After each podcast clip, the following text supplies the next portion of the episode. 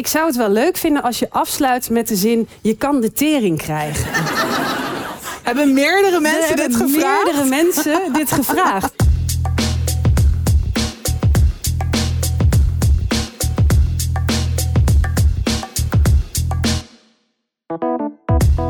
Hallo mensen en welkom bij weer een nieuwe aflevering van Tussen 30 en Doodgaan. Volgens mij zeg ik straks in theater welke het precies is. Ik heb geen idee. 114, 115, Zoiets. 113. Wat maakt het Ja. ook uit?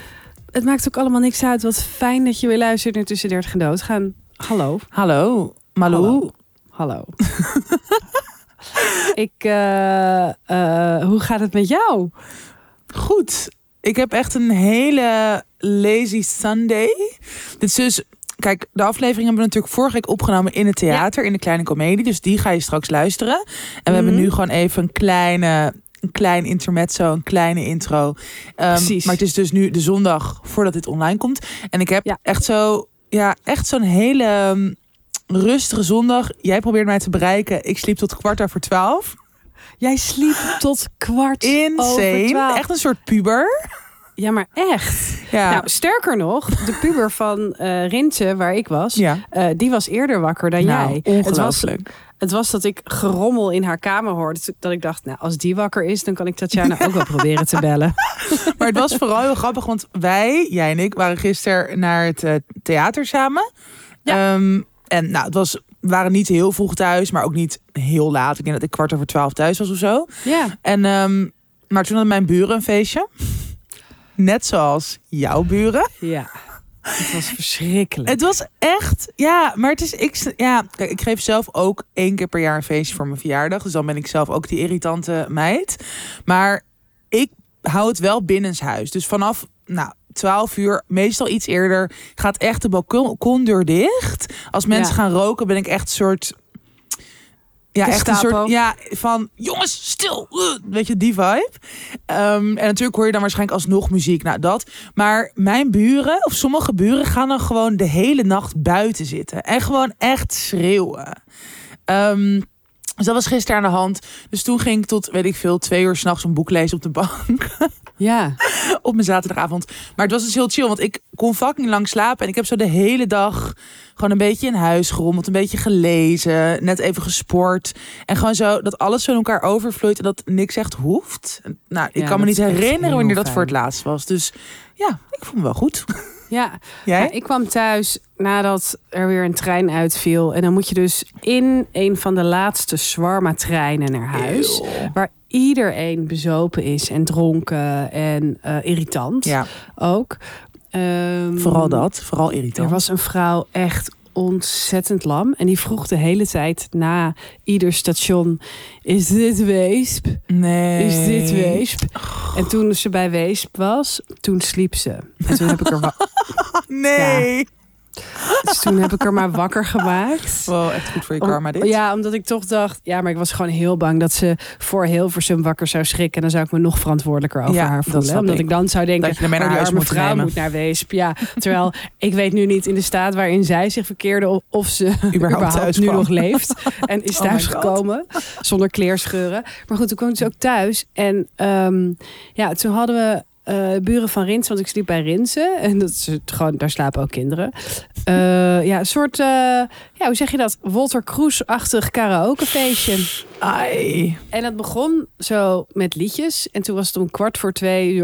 Eh, in een microfoon. Gewoon in een microfoon. Nee, Malou. Maar in Wat welke hels? wereld? Dus Rinse was zo heel lief. Want die is ook gewoon te... Die vindt het eigenlijk gewoon heel irritant dat hij dan naar boven moet. En dan die guy moet zijn. Ja, bla bla bla. Eh, dus die zei op een gegeven moment, ach, het valt wel mee. En eh, ze hadden een heel lief een briefje in de brievenbus gedaan. Dus ja, wat maakt het eigenlijk uit? En op een gegeven moment hoorde je echt zo ook nog bam, bam, bam.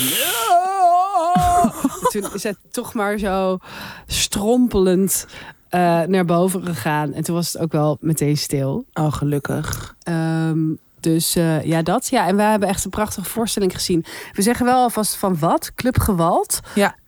Eh, 10 year anniversary. Dit, dat is eigenlijk het enige wat we zeggen. Dus Ja. mocht je denken, ik wil naar theater, dan kunnen we die aanraden. Maar eh, ja, volgende Waarom week daar we meer aanraden, over. gaan we meer delen Inderdaad, volgende week. Inderdaad. Wauw, wat een goede teaser. Maar goed, hoe, eh, los van jouw zondag, hoe, hoe staat het ervoor? Hoe was je week? Want straks gaan we eigenlijk naar het moment van de kleine komedie, waar je dezelfde vraag, waar we dezelfde vraag beantwoorden. Dus eigenlijk gaan we. Ja. Maar toen vrij dramatisch was. Precies. En, en dit, we zitten nu eigenlijk in het heden. En we Ja. nemen je straks mee terug naar het verleden. Mooi. Erg Ja, het is een hele. Het is bijna een historische podcast vandaag. Jezus. Lekker opgeklopt, meid. Ja, en er, zit, Ehm. er is natuurlijk ook al in de huiskamer ja, een uitgebreid, eh, eh, toch wel weer vrij eh, intens gesprek tussen ons. Ja. Waarin ik wat appjes voorlees. Jij doet nog eh wat Over van alles een boekje open, zoals En altijd. we hebben het over andere mensen. Dat hebben we nog nooit gedaan. Maar Nee. we hebben, het, we hebben shit over mensen. Ja, ja, dus Ja. als je nieuwsgierig bent, ook weer een goede teaser. Voor een paar euro per maand kan je lid worden van onze huiskamer Maar- aflevering. In wat voor staat eh, tref ik je nu? Ehm, nou, het gaat eigenlijk wel best wel goed. Ik, ehm, deze week was echt niet normaal. Mhm. Het was echt, ja, voor jou natuurlijk ook, maar echt een rollercoaster. Gewoon heel veel gebeurd, heel veel evenementen. De hele soort van spanningsbogen, heel veel van hot naar herchasen. En ik heb ja, vrij veel mental breakdowns gehad, maar ook heel veel soort euforische momenten. Ehm, en ik ben gewoon heel blij dat ik het vanaf nu. Nou, kijk, morgen gaat wel die VPRO-serie online. Dus je weet natuurlijk of die start dan. De komende twaalf Ja. weken, elke week. ehm, dingen daaruit. Dus eh, je weet, ik weet natuurlijk niet wat er dan eventueel nog gaat gebeuren of loskomt of dat. Maar daar heb ik ook wel de meeste interviews en zo nu voor gehad, denk ik. En ik heb ook gewoon zin dat het gaat beginnen. Want het is natuurlijk de hele daar naartoe werken. En wel de hele tijd opnames. Maar nu ja, mogen mensen het ook maar gewoon gaan zien of zo. En er dan Mhm. hopelijk over gaan praten op een genuanceerde, open manier. Zeer benieuwd of dat Ja. gaat gebeuren. Maar dat hoop ik natuurlijk wel. En voor de rest ga ik gewoon me de komende tijd eindelijk weer meer op mijn boek richten. En gewoon zelf mijn werkdagen kunnen inrichten. En een beetje thuis in hibernation mode schrijven. En daar heb ik echt heel veel zin in. En Oh, dus gewoon goed. iets rustiger overal. Dus Ja. ja, dat is fijn. Oh, En jij? Heerlijk. Ja, eh, mijn boek is natuurlijk dinsdag uitgekomen. En Ja. het was echt, nou, het was fantastisch. Het was een heerlijk feestje.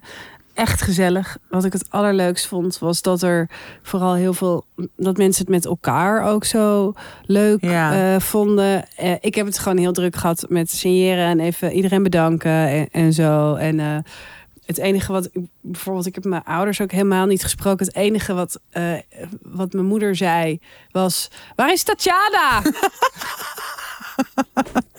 En toen vloog ze mij om de hals, de lieve vrouw. Ja, inderdaad. Ja, dat was echt eh, leuk. Dus, dus dat. Ja, en ik had ehm, donderdagnacht een eh, interview met Femke van der Laan. eh, bij de VPRO, Nooit meer slapen. Ja. En ehm, nou, dat, was, dat vond ik heel bijzonder. Omdat ik, ik was er best wel nerveus voor. Mhm. Het is ook heel gek, want ik ben daar begonnen. Ja. Bij, weet je wel, da- daarna was altijd mijn programma. Dus het is ook iets waar, waar ik vroeger dan, ja, zat ik daarnaar te luisteren en dan daarna moest ik zelf aan het werk. Mm. En dat, ja, een beetje een soort hoogst haalbare. Als ik dan keek naar wie dan te gast was en zo, ik was altijd benieuwd. En zei ik altijd hoi tegen de gast daarna. En zei iemand hoi terug. Ja, weet je, bla, Of bla, niet. bla. Of niet, ja. Of eh, zo. Drie koffie graag. en eh, nu was ik daar opeens zo zelf te gast. Dus ik had, ik wilde het echt heel erg goed doen. Eh, maar ik ken Femke ook. Dus het was ook heel veilig. En ik denk dat het gewoon een heel mooi interview is geworden. Maar het was echt zo'n interview waar ik heel erg op het moment moest nadenken. En ik merk ook, dat vond ik wel leuk om te merken, dat op, omdat ik zo goed moest nadenken over dingen, ook hoe veilig zeg maar dit ook is, weet je wel, die Mm. podcast. Waar we ook echt vrij veel dingen zeggen en heel persoonlijk zijn en, eh, en zo. Maar dat, dat wij echt wel een soort van manier hebben samen. En Ja. nu was ik alleen Ja. en het was echt alsof ik gewoon iets miste. Ik dacht de hele tijd, wanneer maakt Tatjana nou eens mijn zin af? Oh. Wanneer zegt zij nou eens iets? Wanneer... En ik vond het ook heel raar, dus ook omdat ik eh, Femke ken, om dan de hele tijd aan het woord te zijn. Op Ja. een gegeven moment dacht ik, na deze zin moet ik haar even iets ja, vragen. Ja, Terwijl oh, bizar. dat is helemaal niet de bedoeling, Nee. dat je eh, zelf ook dingen gaat vragen. Dus ehm, nee, maar het was, het, het is echt een heel, nou, best wel een heftig interview ook. Maar nou, ik ben er, ben er ook heel blij mee. Ik, ik Mm. ga het nooit van mijn leven terugluisteren, want dan, nou ja, doe jij dat wel eens? Zeker niet. niet. Deze podcast ook niet. Ik Nee. denk dat als wij dit zouden gaan terugluisteren, dat we er op een gegeven moment denken: Jezus Christus, kunnen jullie alsjeblieft normaal doen? Ik vind die fragmenten soms ook confronterend. Of soms vaak. Laat ik eerlijk zijn. Ja, dus, eh, dus dat is eigenlijk. eh, nou, ik had een mooi interview in de Linda. Er komen nog wat kranten aan. En eh, ja, ik krijg gewoon super veel berichtjes van luisteraars die het boek hebben gekocht, lezers eh, die het al uit hebben. Mensen zijn fantastisch en Echt en- geweldig. Ja, en ook zo die mij hele inhoudelijke dingen sturen over de personages of over wat ze herkennen. En eh, ja, dan, ik bedoel, ik heb dit beroep echt vervloekt de afgelopen maanden. Maar nu denk ik, nou, deze week was het wel echt heel erg leuk om Ja. schrijver te zijn. Dus Zo fijn. Dat. Ja, Eh, en straks eh, eh, hoor je hier nee, een kleine voordracht uit, de, Ja. uit het boek. En ook van jou. En, nou ja, onze optreden in de Kleine Comedie samen met Podcast en Chill. Daar ga je naar luisteren zometeen. Eh met een paar verrassingen ook. Met best wel veel verrassingen. Ja, ik ben, eh, ja, het was, het was zo'n leuke avond. Ik ben heel benieuwd hoe het is om het als podcast alleen te luisteren. Want het was natuurlijk ook wel heel erg de dynamiek met de zaal. Wat wij echt Ja. fantastisch vonden. Eh, dat we eindelijk gewoon zoveel van jullie in het echt zagen. En dus ook hoorden reageren op de dingen. Ehm, Op de dingen, ja, op de onderdelen. Programma-onderdelen. Godverdomme, die kutkat is echt... Is ze lijp? Ze is lijp. Ze is met iets aan het spelen en ik word helemaal gek. Ik hoop dat je er niet doorheen hoort. Maar Kijk. En dit is hoe ik me altijd voel. altijd. Rot op. Jij doet altijd zo Heerlijk. gemeen over Steve. Terwijl altijd als jij hier aankomt, loop je echt zo... Hey Stevie, ga Ja. ik maar even aan mijn vinger. Ja, je mag lekker Nee, op mijn jas zitten Ik hoor. praat niet zo Nee, je met praat een niet hoog zo. stemmetje tegen katten. Ik nee, dat is waar. Normaal. Maar je doet wel altijd heel aardig. Veel aardiger Ja. dan je hier doet. Dus ja, dat is weer een van je persona's die je opzet. Nee, nee, Helemaal is- goed. Kijk, oké, dit is eigenlijk hetzelfde als wat het is met kinderen. Ik heb helemaal geen hekel aan kinderen. Ik eh, heb een hekel aan ouders rondom de kinderen. Dit is gewoon een aanval op, jou. Ja, precies. Een aanval op jou is het altijd. Als Nou, ik het over jouw kat heb, te is het weten. een aanval op jou. Het Leuk. gaat om jouw gedrag rondom de kat, niet om de kat. Nou, laten we doorgaan naar de kleine comedie. Dat was een stuk leuker. Precies. Eh, maar niet voordat... Your attention, please. This is an important announcement. Tijd voor onze favoriete samenwerking. Of in ieder geval één van onze favoriete samenwerking. Namelijk Storytel. En meteen even een grote shout-out naar dit boekenplatform. Met duizenden luisterboeken en e-books in één app. Dat ook een heel mooi aandeel heeft gehad in onze theatershow. En dat hoor je uiteraard zo meteen. Maar voor diegenen die vandaag voor het eerst aanhaken. Ja, op Storytel vind je dus grote klassiekers, spannende romans, maar ook heel veel non-fictie. Van autobiografieën tot kinderboeken. Nou, jij noemde het al, e-books niet te vergeten. Want heel veel mensen denken Storytel, het is alleen luisteren. Nee, je hebt ook heel veel boeken in e-book vorm. Daar kan je dus heel chill tussen switchen. Dus als je bijvoorbeeld nou, wil luisteren buiten of als je aan het opruimen bent thuis, kan je lekker het luisterboek aanzetten en daarna switchen als je op de bank ligt met een e-book. Eh, maar je hebt bijvoorbeeld ook, dat heb ik wel eens eerder genoemd, maar een slaapmeditatieserie.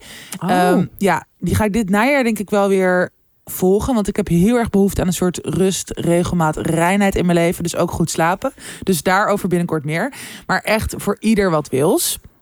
Nou, ik vind het het lekkerst om audioboeken van Storytel te luisteren als ik eh, een lange wandeling maak. En me dan helemaal te verliezen in een leerzaam of meeslepend verhaal. En al helemaal nu de herfst begint. Nou, iedereen die deze podcast vaker luistert, weet over mijn najaarsdip.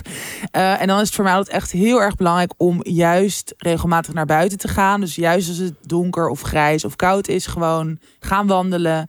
En dan maakt het de stap toch wel iets minder groot om gewoon zo'n luisterboek in je oren te hebben. Ja, ik heb laatst uh, een heel luisterboek geluisterd uh, tijdens het bonnetjes sorteren. Oh, wat chill. Ik, moest, ik moet heel 2022 opgeven. Nou, dan heb je natuurlijk vier zeepkisten vol bonnen. Ja. Waarvan je de helft weg kan gooien. Dat had je nooit moeten bewaren. Dus nou, dat duurt altijd heel lang. Toen heb ik echt heerlijk een boekje. Ik zal zo vertellen welk boek uh, opgezet. En heb ik gewoon heerlijk meditatief lekker bonnetjes Oh, zitten fijn. uit, glad strijken dat.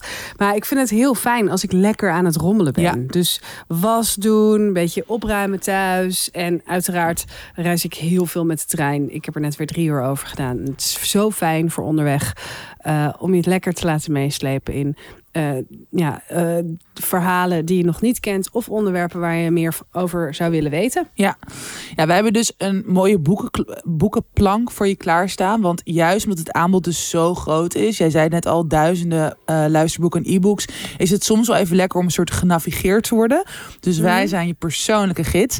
En ik vind boekentips van anderen, nou ja, mits ze een goede smaak hebben natuurlijk, ook altijd echt heel fijn. Dat neem ik eigenlijk veel sneller aan dan een random recensie in de krant.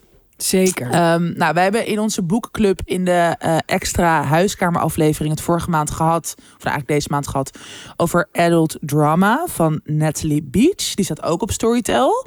Um, maar je vindt er ook bijvoorbeeld onze eigen boeken in luisterboekvorm. Knap voor een dik meisje, zacht op lachen, ik zal je nooit meer. Ja, binnenkort ga ik weer voorlezen. Dus ik ga binnenkort mijn roman Alleen een duizend mensen uh, voorlezen. Wat ben jij nu aan het luisteren? Trouwens, er waren bij de kleine komedie waren er dus een paar mensen die hadden dan mijn boek gekocht. En zeiden ze ja, ik ben zo benieuwd naar het nieuwe boek van Malou, maar ik wil die echt heel erg als luisterboek luisteren, want ik vind haar stem zo mooi en ik denk dat het dan nog eens extra aankomt.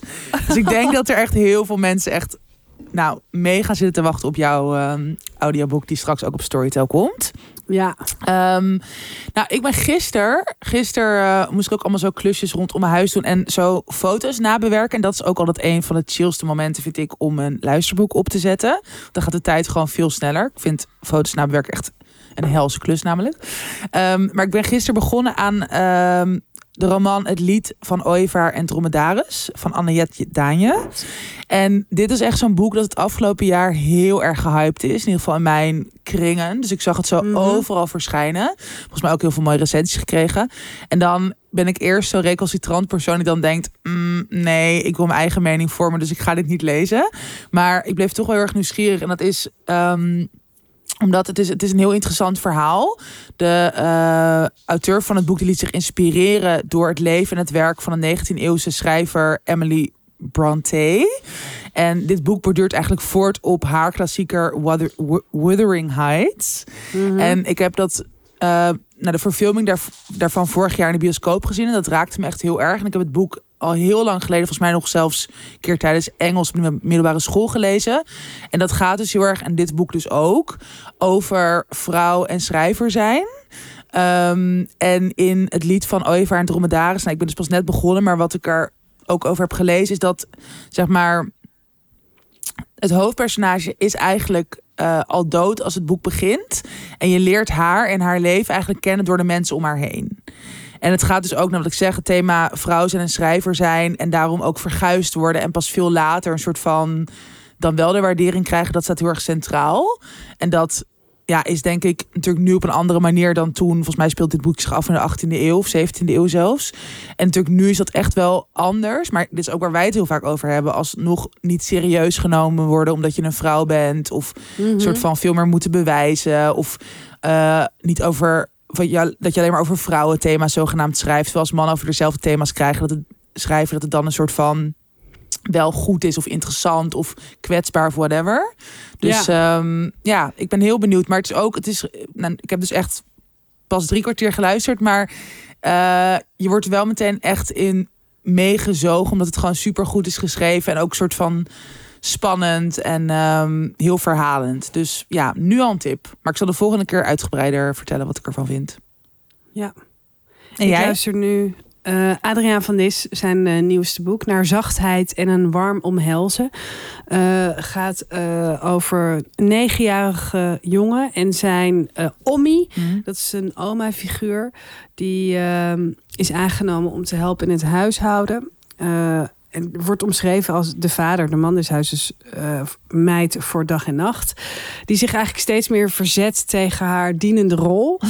Ehm, het is overigens weer eh, een, een Indisch verhaal, of in ieder geval, dat komt erin voor. Het is niet ja, voor Indo's of weet ik wat. Maar de vader is getraumatiseerd, teruggekomen uit de oorlog. Dus ja, weer eh, flinke dosis eh, intergenerationeel trauma. Super. En het is eh, ja, gewoon fenomenaal geschreven door Adriaan van Dis. En ook door hem zelf voorgelezen. Dat doet hij echt Wow. ja, heel erg goed. Ja, Het is echt Mooi. alsof je... hij heeft ook zo'n mooie stem.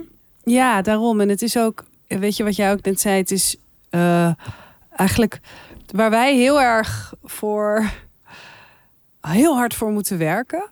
Gewoon om überhaupt schrijver genoemd te worden door, omdat je boeken schrijft. En dat is gewoon hij, zodra hij gewoon zegt, eh, je luistert naar, eh, geschreven door Adriaan van Dis, denk je ja, Let's go. het is gewoon alles aan hem is schrijver. Dus Ja. ook hoe hij voorleest.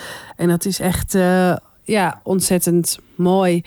Eh, het voelt voor mij ook altijd heel huiselijk, zijn boek. Omdat ik echt heel veel herken in zijn, nou, hoe hij zijn ouders omschrijft, zijn moeder. Maar dus nu ook weer zo'n oma-figuur. Mm. Ehm, dus eh, ja, dit kon ik niet, niet luisteren. Snap ik. Klinkt heel mooi.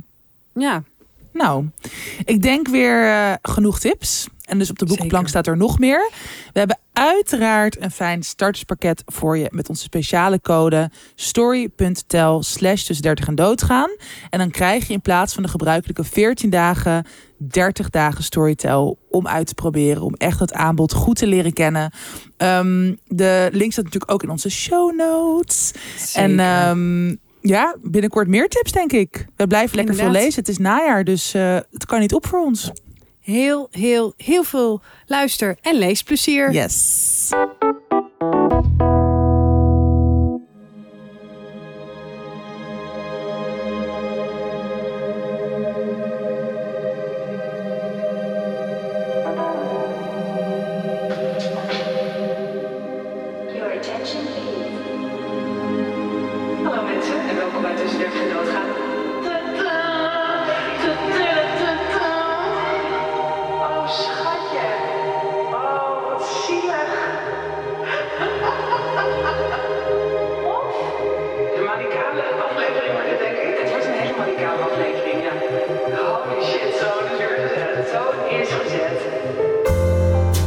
Tatjana betekent dus in het Slavisch feeënkoningin.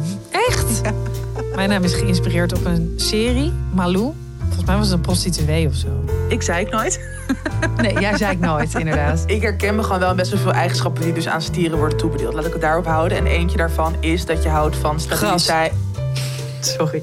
Jezus, jij bent zo irritant. Fucking jaarkringen onder mijn ogen. Ja, maar waar slaat dat op? Tatjana neemt de titel van de podcast erg letterlijk deze week. I'm En dying. Een deel van haar is al gestorven. Stem. Wat klink jij? Geil. Stevie! Het is echt niet normaal. Ik zit weer midden in een verhaal. En jij zit weer met je kat. En zometeen ga je een beetje online shoppen. ga je een beetje op Tinder. Ik ben je kwijt. Dus dus geraspte wortel, pindakaas, gewoon havervlokken, appel, lijnzaad. Wat zal ik lekker schijten. Ik vind je leuk of interessant. Lekkere reet in die broek. Maar ik heb een schoonmaker. En ik vind, ik vind het op een of andere manier heel spannend. Heb jij een schoonmaker? Eh, have you met me? Iemand die aan mijn spullen zit? Oh ja, nee, en ze wellicht verplaatst? Ja, ja. Ik dacht het niet. Nee, oké, sorry. Domme vraag. Mijn leven is zo saai. Er gebeurt niks. Ik kwam gewoon niet in die sfeer. Ik Oh. stond gewoon een beetje zo om me heen te kijken.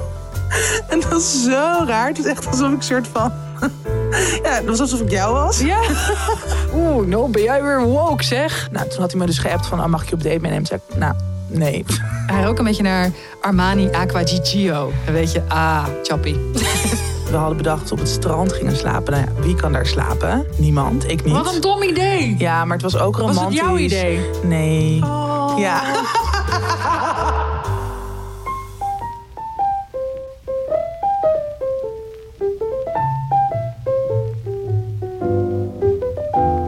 Hooggeëerd publiek, lieve luisteraars.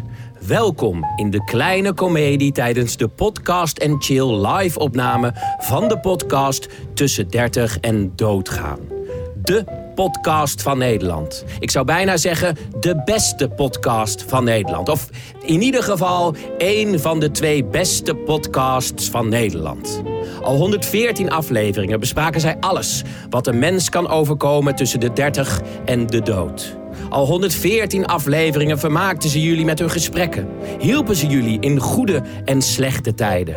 Vergezelden ze jullie tijdens het hardlopen, koken of het rowcyclen. En susten ze jullie in slaap met hun zoetgevoiste stemmen. Ze deelden al hun geheimen, bespraken alles. Want bij hun is waardigheid en gêne fluïde.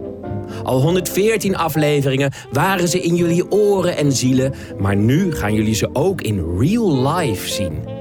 En hier zijn ze dan.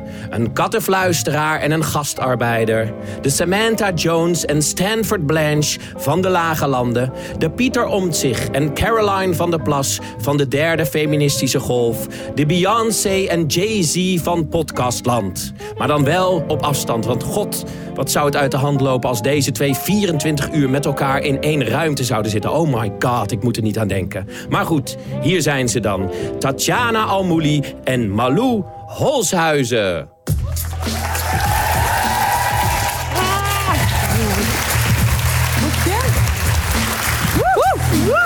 Oh, het gaat meteen al mis. Hallo.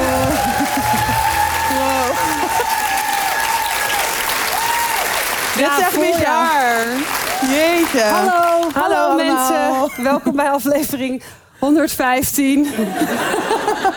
Beetje Net raar even iets zeggen. anders. Ja, het is gewoon de live show. met Welkom jullie in de kleine komedie. Echt bizar dat jullie er ook echt zijn gekomen. Jeetje. Echt, Ja. ja. Nou, ik ben heel gespannen. Jij? Ja. Nee, Meteen gaat maar wel. even. Gaat wel. Ehm, wat even leuk is om te weten, eh Rinse zit ook in de zaal. En- ja. Harder, hoort u niet. Harder. Eh, eh, en, en die doet dus eh, de bumpers. Want ik denk dat hij bang was dat we ruzie kregen. Ja. Of dat we heel veel... Die, Allemaal ja, afgescheiden alles. zijn. Dus Rinse, heb je één bumper? Heb je ook een langere bumper dat we daar naartoe kunnen lopen en kunnen gaan zitten? Ja. Oh, super. Even wat drinken. even actieve houding. Oeh. Doe even je check. Even check. Ja, alles? Ja, het is oké. Goed zo. Ik ook. Goed. Hoe was je week? Ja, laten we daar gewoon maar mee beginnen. Ja, we hebben ook we allemaal gewoon- kaartjes en zo. Profi, hè? Heel profi. Kijk. Het is allemaal wat er gaat gebeuren. Goed. Ja, en mijn kaarten liggen verkeerd om natuurlijk. Ja, uiteraard. Dit, Dit is onze planning. Ja. De opener. In, in welke staat treffen we elkaar? Ehm, ik ben oververhit, overwerkt, gestrest, gespannen. Maar verder gaat het best goed. Oké. Heb je nog iets jou? gedaan? Ja, ik heb, nou, ik heb het al in de aflevering van vorige week verteld. Misschien hebben sommige mensen dat gehoord. Maar ik ging afgelopen weekend op een literair festival spreken. Ja. En ik heb mijn grootste tieneridool ontmoet. Zo fan van haar was ik, Francine Omen. En dit gegiegel. Hm. Leuk tieneridool. Leuk. Kennen ze niet. Prima. Ik denk dat voor sommigen het ook misschien een idool vroeger was. Maar Is dat Ik- zo? Ja. Zie je? top. Thanks. Ja. ja, ik las echt die Hoe overleef ik reeks. Dat was gewoon een soort mijn bijbel. En nu heeft ze natuurlijk een nieuw deel gelezen, geschreven. En toen waren we samen geprogrammeerd. En nou, wat jij al zei, je moet nooit je idolen ontmoeten. ja. Dat was ook echt. ja.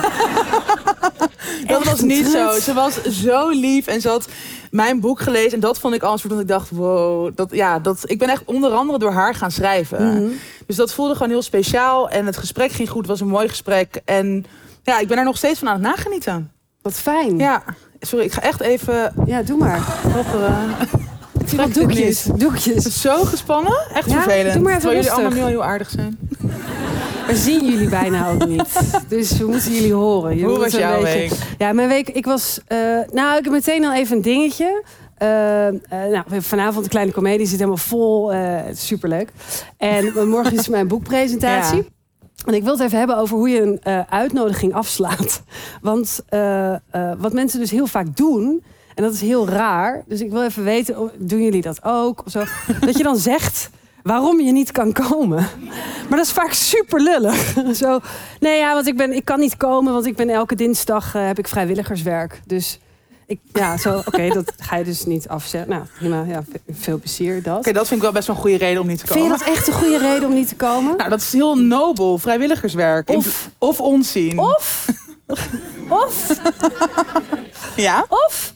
Nee, ik kan niet, want ik moet naar mijn musical Core Take It Easy. Oh, is de, wie heeft dit gezegd? E- Erik de Perik, 34, Je 36. vader. Is hier Erg niet. jammer.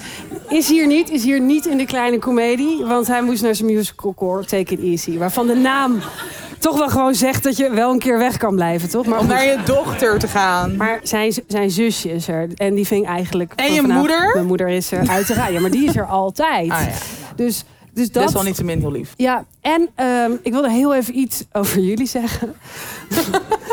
Want ik eh, heb van jullie allemaal berichten gekregen die ik dan in een boek moet schrijven. Dus mensen die mijn boek hebben gepre-ordered.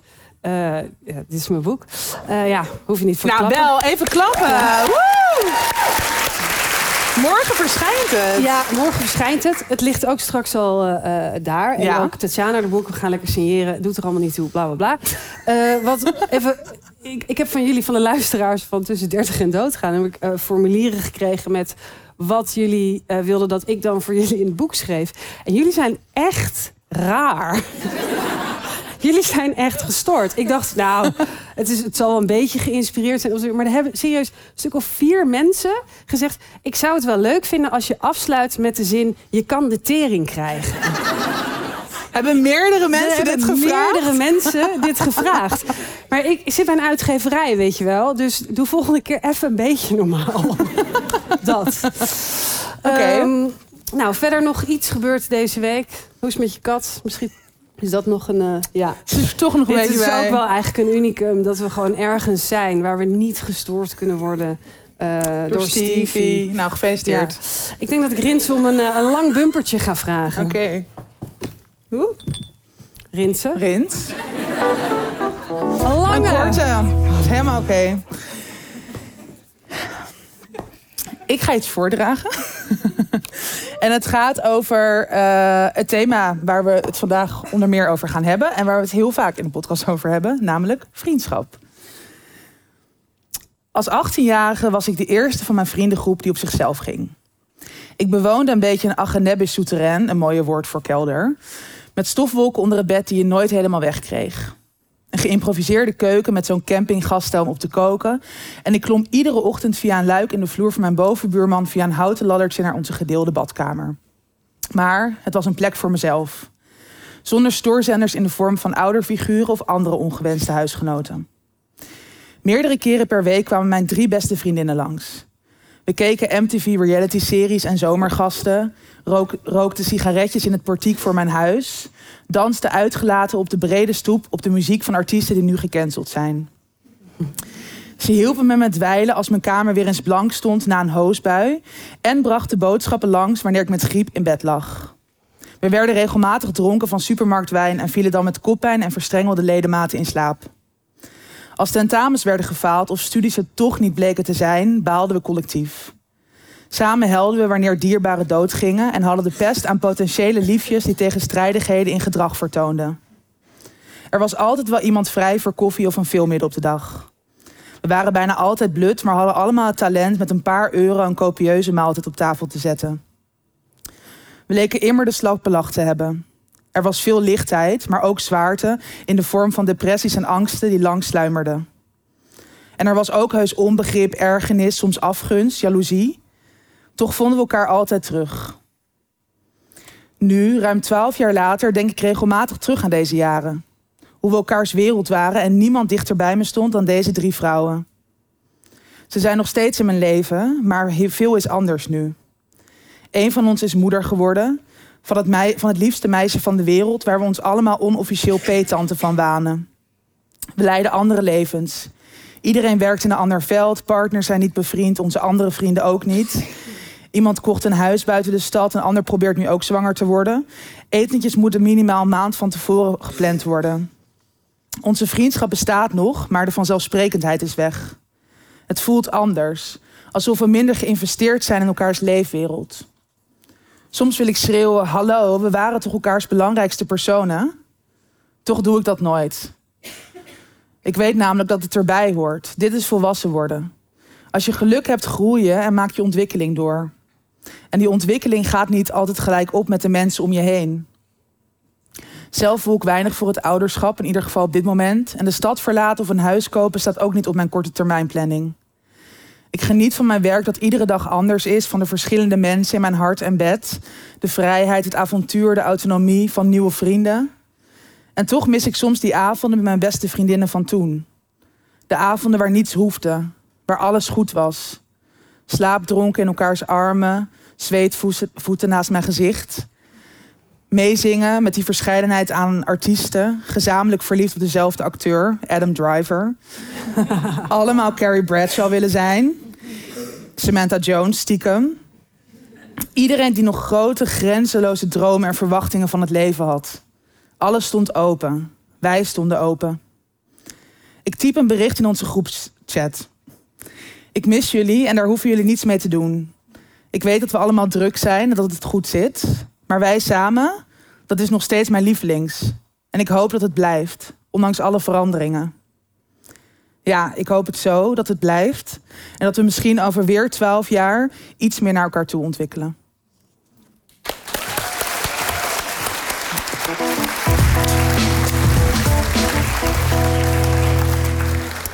Heb je ze onlangs nog gezien? Hebben Nou, ze ze dit allemaal gelezen? hier, Ja, hier zijn ze. Dat Ja. zijn er allemaal niet. Ja. Ook op koor, take it easy. Ja, Ja. allemaal op hetzelfde koor als Erik de Birk. Nou ja, het, is, het, is, het thema vriendschap is iets wat echt heel vaak terugkomt in onze podcast. Ook Ja. Nou eh, onderling, wij hebben het erover. Ehm eh, het Maar blijft ook de- sluimeren. Ja, en ook, we krijgen natuurlijk heel veel levensvragen... die best wel een centrale plek in onze podcast hebben gekregen. En die gaan toch ook wel... Ja, we proberen ze natuurlijk een soort van te selecteren op relevantie en op soort... Dood, diver- verderf, vriendschap. Dat zijn wel basically het grootste gedeelte van de levensvragen die we binnenkrijgen. En ja, het is natuurlijk, het is toch ook onze levensfase. En onze luisteraars zitten een beetje natuurlijk in onze levenscategorie, die veranderende vriendschappen. En dat is ja, ik weet niet, ik, ik blijf er toch wel, ehm, wat ik ook benoem in die column. Ik weet dat het erbij hoort. Het is het leven, je moet ermee dealen. Je vindt ook weer nieuwe vrienden die misschien, weet je wel, beter bij je leven van nu passen. Maar toch blijft het wringen. En is er ook niet een soort blauwdruk van, oh, zo kan je ermee omgaan. En dat is natuurlijk met veel dingen in het leven. Is er geen handleiding en moet je maar gewoon ermee dealen en elke dag opnieuw kijken hoe je ermee omgaat. Maar ik denk dat het ook een soort te maken heeft met dat vriendschap natuurlijk nog steeds als intieme relaties Wordt ondergewaardeerd. Of ja, niet? dat het nog steeds vooral ook nou, in de boeken die we lezen, de films die we zien in series, het, het gaat toch nog over het algemeen over die romantische liefdes die het belangrijkste zijn. Terwijl als ik naar mijn eigen leven kijk, nou heel lang een romant- romantische relatie gehad, maar mijn vrienden stonden altijd ook op één. Mhm. En dat is, nou, dat horen we dus ook veel uit reacties van jullie. Ja. Dat dat voor wel meer mensen geldt en dat daar misschien ook een soort herwaardering in Ja. mag plaatsvinden. Nou ja, en inderdaad het eh, loslaten. Dus wat jij zegt, het accepteren dat je iemand misschien eh, niet ziet. Ja. Eh, en daar ja, toch op een zekere manier afscheid van moeten nemen. Ook een beetje rouwen misschien. Ja. Heb jij, ben jij hier ook nog mee bezig? Bepaalde... Nou ja, ik ben gewoon in kwaad nog steeds. Ja, Op je hallo. ghostende vriendin? Nee, maar het is wel in, eh, eh, als je ziet, eh, vaak denk je dat heb ik afgesloten. Ik heb een afscheidsbrief geschreven. Vandaar waarschijnlijk ook het verzoek voor de laatste zin in de boeken. Heel slim. Ehm, maar ik wil niet zeggen dat eh, daarom eh, weg is. Dat Nee. gevoel of dat gemis of eh, die woede dat dat zo is gegaan. Nee, dat, dat, daar ben ik nog steeds heel onvolwassen in, eigenlijk. Ja. Ja, nou ja, ook niet gek. Ehm, we hebben vanavond een heel bijzonder iemand. Nou, wel meerdere bijzondere iemanden, maar dit is de eerste. Eerste bijzondere Nee, iemand. Wat ik merk is dat ik vind het heel fijn dat wij het zo vaak in de podcast erover kunnen hebben. Het is natuurlijk ook hoe onze podcast is begonnen. Hè? Die eerste aflevering ging echt over die veranderende vriendschap. Dat was ook een thema waar wij over Wat is er? Ja, dat was omdat we heel boos waren dat iedereen maar uit Amsterdam Ja. ging- wegging. En daar heb ik wel pittige gesprekken over gevoerd met vrienden die inderdaad ergens anders zijn gaan wonen. Bijvoorbeeld in Hilversum. Fuck Hilversum. Sorry Rinse, jij woont er ook. maar ehm, nee, inderdaad mensen die, gingen, die weggingen. Ja, of, of ja, gewoon al die keuzes. Een kind, trouwen, verloven. Nou, dat ben jij ook. Je bent ook weg uit Amsterdam. Wij zijn gelukkig wel. vrienden door deze podcast. Nee, maar dat, dat is wel hoe onze vriendschap is begonnen. Of nee, ja, onze vriendschap is begonnen, maar ook de podcast. En ik vind het fijn dat we er veel over kunnen hebben. Dat we dus interactie met de luisteraars hierover hebben. Dat helpt mij wel best wel. Gewoon het gevoel dat je er niet alleen in staat in die worsteling rondom dit thema. Maar we hebben ook allebei een boek gelezen afgelopen jaar. Ja. Ehm, het heet Even Goede Vrienden. En daar hebben we echt heel veel inzicht door gekregen. We hebben het hier ook al vaker of, ja, het over gehad. getipt. We hebben het een keer getipt in de podcast. En vandaag is dus de auteur er. Ehm, ze is journalist. Schrijft echt hele mooie eh, essays, maar ook interviews voor het Parool. En ze heeft dus eh, dit ja, hele scherpe en persoonlijke en ja, inzichtelijke debuut geschreven. Even goede vrienden. Give it up voor Rauna Kadari. Hey! Hallo. Licht? Yes, dankjewel. Nou, wat een fantastisch intro. Dankjewel. Ik heb eh, een boek geschreven over vriendschap. En even een korte aanleiding. Dat was omdat ik een vriendschap heb uitgemaakt. Ehm, en ik ga vandaag een stuk voorlezen uit mijn hoofdstuk Vriendschapsverdriet. Het was mijn keuze om het uit te maken met Xana en Jo. Het was ook mijn keuze om Ike van me af te duwen en onze vriendschap dood te laten bloeden. Het was allemaal mijn eigen keuze. En toch schreef ik in mijn notitieboek dat ik dubbel verdriet had. Schrijven was in die tijd de enige manier om de kluwen van gevoelens een beetje te ontwarren. Ik schreef: Ik ben boos op mezelf dat ik anderen pijn doe. Soms voel ik me schuldig en dan weer trots dat ik een keuze maakte voor mezelf. Dan weer verdrietig en dan weer trots. En dan ben ik even de weg kwijt. En dan weer dat hele riedeltje opnieuw. Op avonden dat ik alleen in mijn studio aan de Gerard Douwstraat zat te schrijven, voelde ik me met vlagen een sukkeltje, omdat ik mijn verwerkingsproces zo theatraal vond. Kantjes vol schreef ik en soms moest ik zelfs huilen. Ik trok ook woedende sprintjes in het Vondelpark vanwege een situatie die ik zelf gecreëerd had. Wat is dit? dacht ik heel vaak. Hoezo voel ik me zo rot om iets wat ik helemaal zelf in de hand had? Ik heb toch zelf die vriendschap uitgemaakt? En ik wilde er nog niet met anderen over praten, omdat ik bang was dat ze het allemaal mijn eigen schuld vonden. Enerzijds voelde ik soms wel eens opluchting. En anderzijds voelde ik me een loser met zelfmedelijden. Misselijk worden van een vriendschap? Er zijn toch ergere dingen? Ik moest toch niet zo piepen, dacht ik. En tegelijkertijd werden mijn gevoelens er met al dit relativeren niet minder heftig op. En nu, na het schrijven van mijn boek, weet ik... het heeft helemaal geen zin om gevoelens te bagatelliseren. Want gevoel is altijd echt. Ook verdriet om vriendschap. Verdriet bestaat omdat er liefde was. En om echte liefde te ervaren, moeten we bereid zijn om echte pijn te riskeren. Mijn beste vriendin Suzanne kan me pijn doen als ze dat zou willen. Zij kan mijn persoonlijke informatie, mijn kwetsbaarheden en mijn zwakste plekken en grootste worstelingen delen met anderen. Of keihard op mijn gevoel trappen, omdat mijn gevoel in haar handen is. Tegelijkertijd kunnen we alleen maar ware, ware vrienden zijn als we dat risico nemen. We moeten radicaal eerlijk en open naar elkaar zijn. We moeten ideeel in ons naki staan, zodat we door huid op huid contact met elkaar verbonden voelen. Als er dan geslagen of gekrapt wordt, is het verdriet intenser omdat de meest broze versie van onszelf geraakt wordt en de pijn zonder barrière bij ons inslaat. Bij kennissen met wie ik geen huid op huid contact heb, komen de klappen veel minder hard aan. Een spreekwoordelijke muur beschermt dan ons. Suzanne zal mij nooit laten neerkomen op een koude, harde vloer. Dat weet ik zeker. Dat vertrouwen heb ik. En dat is vriendschap. En toch weet ik dat, ons, dat een van ons ooit verdriet gaat voelen. Omdat een van ons elkaar gaat verliezen. Er komt immers altijd een einde aan vriendschap. Ooit. Of de dood jullie nou scheidt of wij zelf. Bij elke relatie komt er een afscheid. En of het nu vriendschapsliefde is, of romantische liefde, of ouderliefde, echte liefde doet altijd pijn. Zelfs als je het zelf uitmaakt, vroeg ik aan mijn relatiepsycholoog. Zelfs als je het zelf uitmaakt. Vriendschapsverdriet kan net als liefdesverdriet gepaard gaan met somberheid en veranderende eetlust, minder zelfvertrouwen en boosheid, of dat allemaal, of geen van alle. Vriendschapsverdriet is net als liefdesverdriet een serieus rouwproces. En rouw komt niet alleen na de dood, maar bij elke vorm van verlies van een dierbare. Het is een proces waarbij we wennen aan een nieuwe werkelijkheid zonder de persoon die we zo lief hadden. En het is noodzakelijk om onszelf de tijd en ruimte te geven om het verlies van een liefde te verwerken. Niet alleen omdat we zelf dan geen overhaaste beslissingen nemen in nieuwe vriendschappen, maar ook omdat rouwen ons helpt om onszelf te hervinden en ons opnieuw te verhouden tot andere relaties.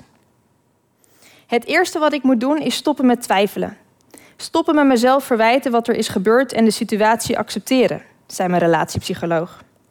We kunnen pas starten met iets als we daar mentaal zijn aangekomen.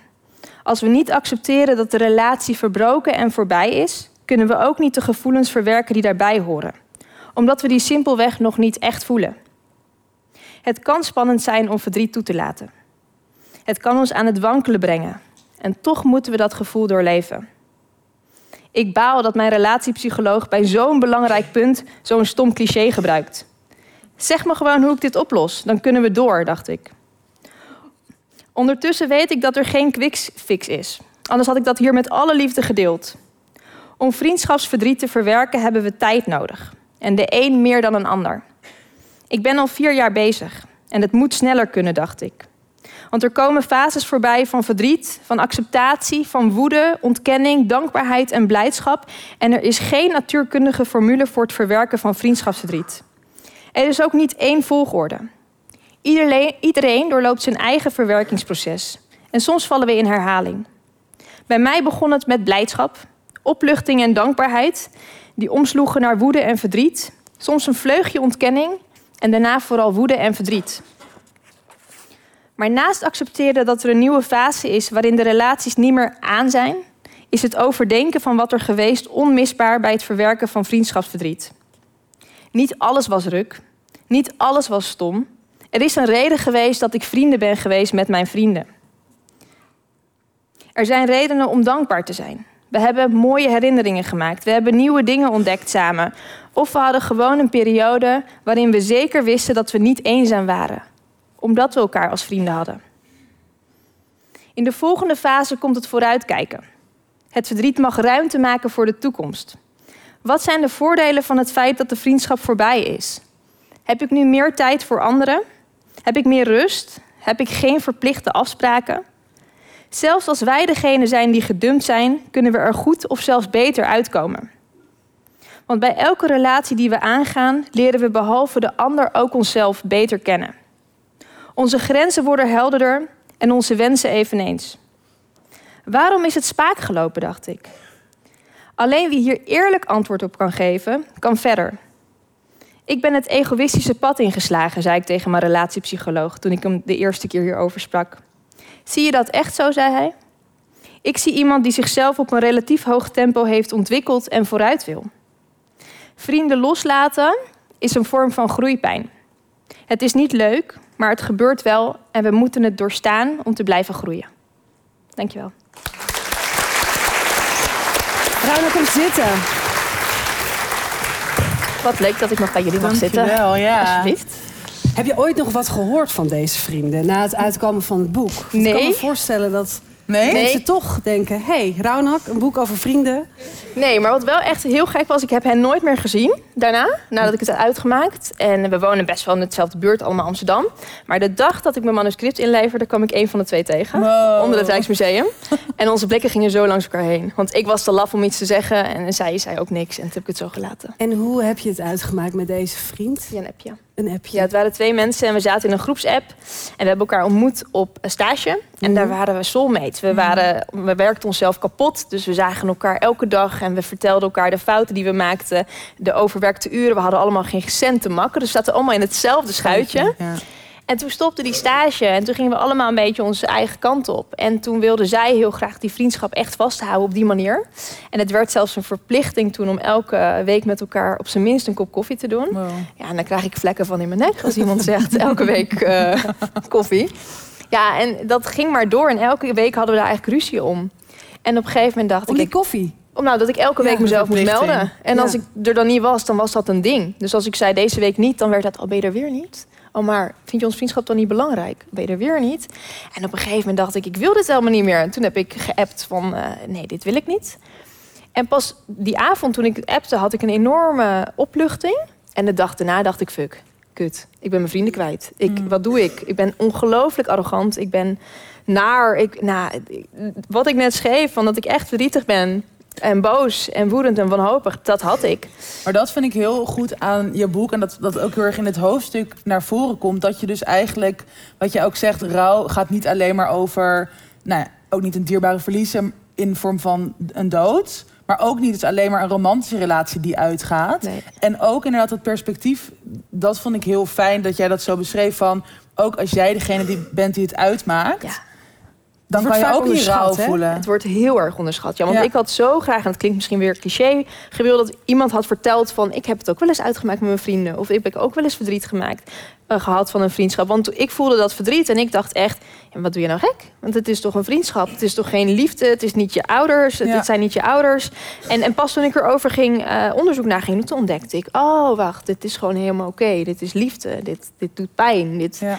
het zou pas gekker zijn als je goede vrienden hebt en zij verlaten jou of jij verlaat hen en je voelt er niks geen verdriet. Dat zou gekker zijn. Ja. Ehm, maar dat wist ik niet. Terwijl er wel in onderzoektaal veel over geschreven is. Maar dat is dus inderdaad wat jij zegt in onderzoekstaal, maar dus niet een soort van in day-to-day life. Nee. Dat we ook beseffen van, oh ja, maar vriendschappen, dat is minstens zo belangrijk als inderdaad relaties met familie of met ja, romantische partners. Ja, En is er eh, in onderzoekstaal een eh, juiste manier om, het, eh, om een vriendschap te beëindigen? nee. Nee, daar is geen onderzoek naar gedaan. Maar ik zou zeggen, doe het niet via een appje, mensen. Dat is niet, en dat kan ik je wel vertellen. We hebben geen les van de avond. Ja, hebben we geen onderzoek voor nodig. Nee, ik zou, nee dat, dat, dat heb ik niet gevonden. Ik heb wel naar gezocht. Maar ik zou het vooral respectvol doen. En ik zou het vooral waardig doen. Als ik het nu achteraf nog een keer zou doen... zou ik ze echt uitnodigen voor een kop koffie of voor een Ja. diner. En het hoeft niet altijd... ehm, verschrikkelijk te zijn. Want het kan ook zijn dat die ander ook denkt... oh, misschien kwamen we wel een beetje aan ons einde en is het goed zo. Ehm, en het kan ook doodbloeden. Je hoeft het niet altijd uit te maken. Dus als er geen frictie is, als er geen negatieve gevoelens worden ehm, gelekt... dan kun je het ook gewoon lekker laten sudderen. Net als die eh, middelbare schoolvriendin die je niet meer spreekt. Waar je dan mee zegt, oh ja, we moeten echt binnenkort Ja, eens een keer wat gaan drinken. Ja. En dan zeg je allebei, ja, ja, ja, gaan we doen. Je weet echt, pff, gaan we nooit doen. nee, dat is helemaal Maar prima. dat zeggen mensen vaak. Maar is het dan niet beter om dan te zeggen op dat moment nee? Want dan houden we toch een soort van iets in stand. Dat we allebei niet bot willen zijn. Als of- jij ermee zit, wel. Kijk, als Ja. geen van beiden erbij... nee, dus. Nee. nee, maar als je er wel mee zit, dan doe je jezelf echt een plezier om het gewoon af te sluiten. Net als bij een romantische relatie. Dan rond je het gewoon goed af. En dat doet pijn, maar dan kunnen jullie wel allebei beginnen met het verwerkingsproces. Ja, maar ik vind dat zo gek. Het is, het is altijd zo gek, omdat je gewoon... Je weet op dat moment, wij lullen allebei. Dat is Ja. gewoon gelul. Dat, Maar ja, dat is een en soort dat doen we mutual dus understanding. Dus dan, Ja. zolang het dan weer dat mag ook gelijkwaardig gewoon is. bestaan. Dat mag ook gewoon bestaan, ja. Kijk. Zeker. Nou, Ja. fijn, Dus je dankjewel. bent helemaal veilig. Oh, dankjewel. Fijn dat je er was. Dankjewel. fijn, dankjewel. Dankjewel. Deze moet mee, hè? Ja. Ja. Stoeltje weer mee. Super. Oké. Maar doen is er alweer klaar mee? Ik denk dat we Nee, ik ben er stoppen. klaar voor. We gaan eh, over naar weer een vast onderdeel van de podcast. De levensvraag. Ja. En we hebben vandaag een levensvraag van iemand die in de zaal zit. Ja. Ehm, maar het is wel... eh, ja. Nee, dat weten we niet. En je mag hem zelf komen voorlezen. Ja. Lisa, kom maar naar voren. Grapje. Nee, dat, eh, dat gaan wij even doen. Gewoon zoals altijd eigenlijk. Zoals Ja. altijd. Ja. Heel voorspelbaar. Lieve Tatjana en Malou. Allereerst kijk ik ontzettend uit naar volgende week. Nou, dat is dus vanavond. Ik wil graag een vraag delen die betrekking heeft op het thema van existentiële ontevredenheid. Zowel bij mezelf als bij enkele goede vrienden in mijn kring valt het me op dat dit een terugkerend thema is. Voor mezelf lijkt het vooral te draaien om keuzes maken. Zoals de juiste studiekeuze. Ik heb er nu al twee uitgeprobeerd. Overwegen om van baan te veranderen. Nadenken over mijn datingleven. En zelfs de vraag of ik op mijn leeftijd moet, of ik op mijn leeftijd moet beginnen met reizen. Of wekelijks vier keer moet gaan sporten of een hobby moet zoeken. Op een welverdiende rustzondag, wanneer ik eindelijk tijd voor mezelf heb, overvalt me vaak een gevoel van verlamming. Moet ik lang gaan wandelen, mijn vrienden bezoeken die ik minder vaak zie, dat boek oppakken dat al zo lang op mijn leeslijst staat, misschien naar een inspirerend verhaal luisteren via no- non-spon, Storytel of zo, of misschien een hele kamer, mijn kamer grondig herinrichten en maricondoën. Misschien moet ik een bezoekje aan mijn ouders brengen, maar hoe ik ook kies, aan het eind van de dag blijft er altijd die achtergrondstem die me doet twijfelen of ik niet beter iets anders had moeten kiezen. Herkennen jullie dit? Heb ik een quarter midlife crisis op mijn 23ste? En wat maakt dat het, voor mijn gevoel, toch meerdere mensen dit ervaren? Het zal misschien iets te maken hebben met dat afschuwelijke maakbaarheidsideaal. Maar misschien hebben jullie ook andere theorieën. Tot volgende week. Tot, nu. Zit hier iemand te zweten, joh, dat stoeltje? Oeh. Ja, nou ja, wij ehm, geven natuurlijk altijd de antwoorden. Ja, Maar we dachten, laten ja. we het vanavond eens een keer anders doen. Want dit, blijft toch een beetje de blind leading the blind. Dat wij met onze fucked up ja. levens en perspectieven altijd maar zoveel levensadvies geven. Dus we dachten, Ja, we hebben iemand uitgenodigd die ervoor gestudeerd heeft. En niet alleen dat. Sabine Klaver is afgestudeerd in de klinische en gezondheidspsychologie. Naast haar werk als psycholoog in de behandelkamer maakt ze mentale zo- gezondheid bespreekbaar met haar boek Ik voel me zo. Hebben we ook getipt. Sabine Klaver! Woe! Ja, hey girl. De stoel staat Nou, ga zitten. Ik moet niet vaak mijn eigen stoel meenemen, maar Nou ja, en er wordt niet vaak tegen jou gezegd dat je mag gaan zitten. Dat is natuurlijk jouw tekst vaak. Heb je dat nu in ga je praktijk? sofa. Heb jij zo'n sofa? Heb je een sofa? Mijn had dat niet. Maar, eh, Vond je dat erg? Jammer? Nou, ik vond, vond het wel jammer. Ja. Zou dat een criterium zijn om... Kleine eh, teleurstelling. Het is Ja. wel net als in de film, toch? Ja, heb je dat? Eh, nee. Waarom Nee. is dat in films wel zo? Ja, dat, en, en dan zit er ook een oude witte man met een dikke sigaar bij meestal. Dus eh, een beetje à la Freud. dus. Dus, die, precies, die krijg je erbij. Dus daarom zitten we gewoon liever op, eh op Ja. een klapstoeltje. Laten we eventjes terugpakken eh, naar de levensvraag. Je hebt hem gehoord. Mooie vraag. En ik denk iets wat eh, heel veel mensen herkennen. Ik in ieder geval ook wel. En ik, ik vind dat zo mooi aan die levensvraag. Omdat je die herkenbaarheid daarin maakt. Dus al dat je je niet zo alleen voelt in, eh, in al die gekke gedachten en gevoelens die we allemaal hebben. Ehm, kennen jullie de term FOBO? Mm, Ja, ik Mensen in de zaal Iemand? wel? Ja. Schreeuw maar. Nee, niemand? Niemand? Jammer. Ik dacht dat ik eh, te oud was voor de afkoos, maar de, Ja, de ik, ben de geloof ik de, Nou, gelukkig gebruik je wel. Voor mijn moeder. Dat is, eh, afko is de afkorting van afkorting. ja, maar je wist het niet, dus... Nou, jij wist FOBO niet. Nee, Maar precies. dat ga Wat ik is je FOBO? vertellen. FOBO niemand eh, dus. is eh, Fear of Better Options. Oh. Wow. Wie heeft er nu FOBO? Ja. Hier heb ik dan zes jaar voor Thanks. gestudeerd. Eh, nee, maar volgens mij is dit FOBO. En de FOBO komt natuurlijk helemaal voort uit eh, de, het, eigenlijk de zoektocht. Precies, ook, de ja. zoektocht naar de perfecte keuze. En daarmee dus ook de angst om een foute keuze te maken. Daar dan spijt van te krijgen. En ehm, ik moest net heel erg denken bij deze vraag aan het boek 4000 weken. Ik weet niet of iemand dat zegt, van Oliver Burkeman. Ehm, Allemaal nieuwe Ja. informatie voor iedereen.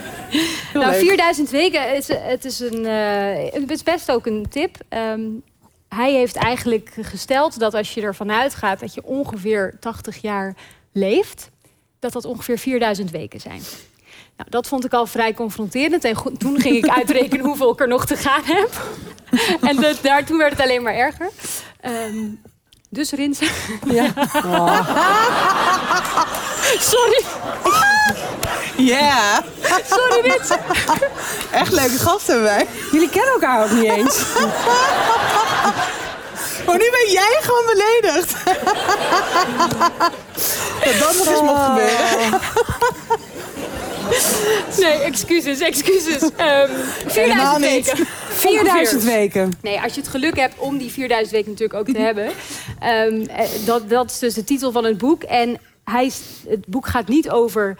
Je hebt er 4000, dus je moet er alles uithalen. Productiviteit, eh, het beste ervan maken. Ehm, maar het zegt wel van... Oké, 4000 weken. Het is echt wel goed om je af en toe een beetje bewust te zijn... van de eindigheid van je tijd. En dat je aandacht en energie ook niet onbeperkt zijn. Vindt niemand het echt gewoon heel lang klinken? Ik vind het zo Ja, lang. ik vind het 4000 juist- weken. En dat vind ik dus juist ook weer een soort van chill. Dat je niet alles meteen hoeft te doen vermoeiend. Ja, maar Malou, nu uitrekenen hoeveel je er nog hebt. En dan klinkt het Oeh. ineens een stuk... eh, Nee, ik vond het best wel kort klinken. Oh. Misschien zegt dit iets over hoe leuk we het leven vinden.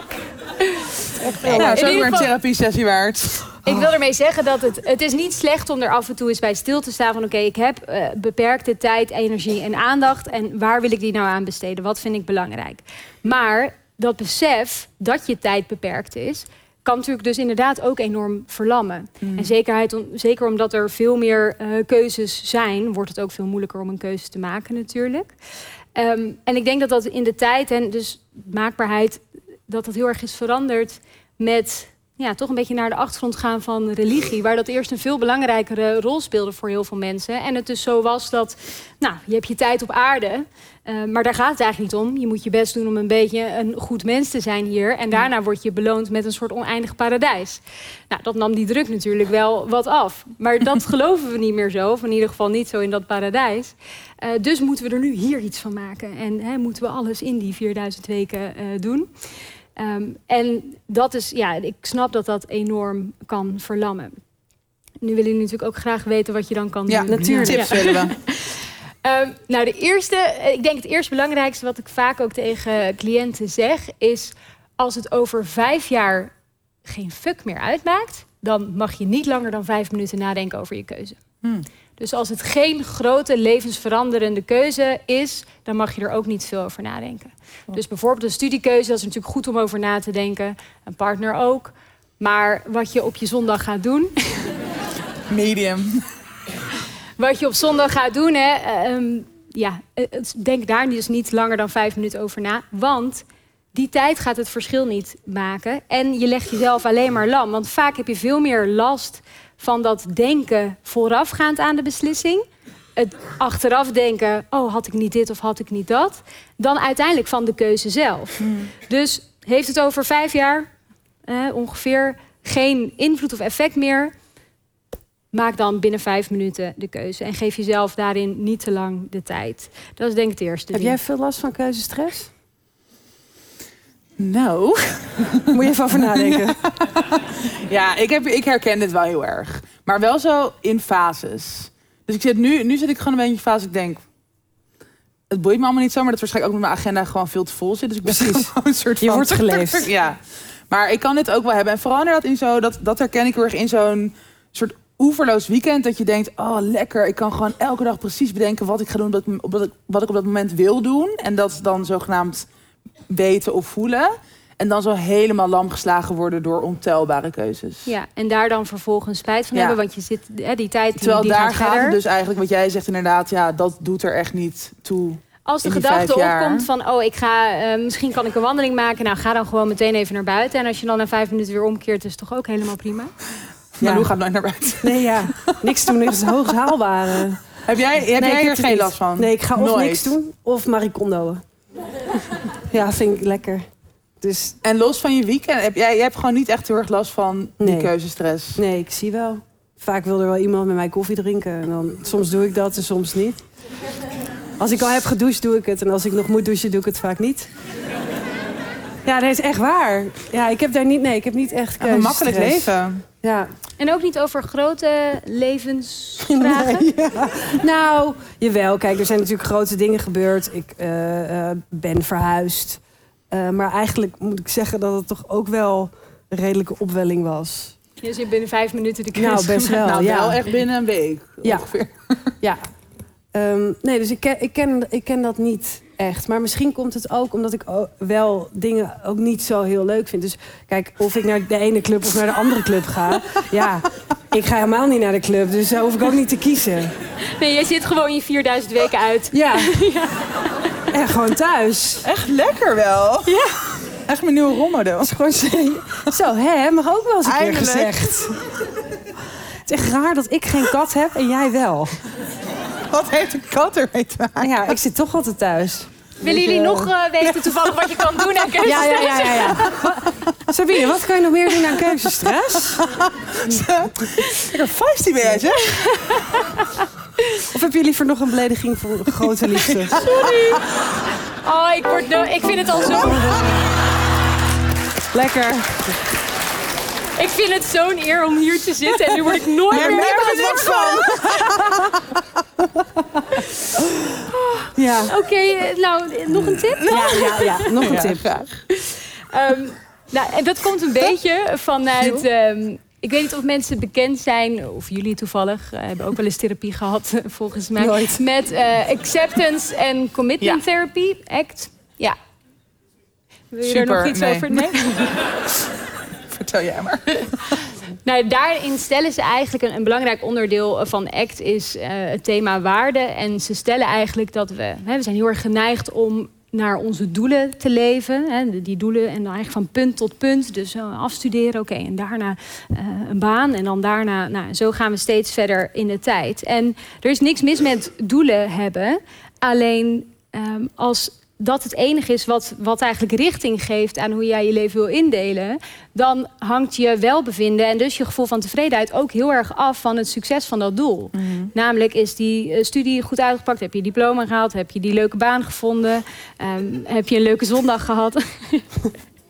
Ehm, dat, is, dat is best wel zonde. En eigenlijk zeggen zij van wat je er aan toe kan voegen is dus meer leven naar je waarden. En eh, dat eigenlijk gewoon, het gaat om de dingen die jij het allerbelangrijkst vindt. En er zijn heel veel manieren om dat te ontdekken. Eh, er staat iets over in mijn boek, maar als je googelt, dan vind je ook al heel veel. Ehm, er is een oneindige lijst met waarden. En wat ik cliënten vaak vraag is om dat we samen op zoek gaan naar een soort kernpakket eh, van, van wat zijn nou de belangrijkste waarden voor jou. En dan vormt dat dus meer een kompas. En dan maakt nog steeds, hè, mag je die doelen hebben en is het leuk als die goed uitpakken. Maar ja, het is, het is dan ook dat je veel, het is meer, minder afhankelijk daarvan. Ja. En dat je dus ook, ja, ik ga altijd een beetje ehm, inwendig eh, overgeven als ik dat zeg, maar het is heel erg een beetje.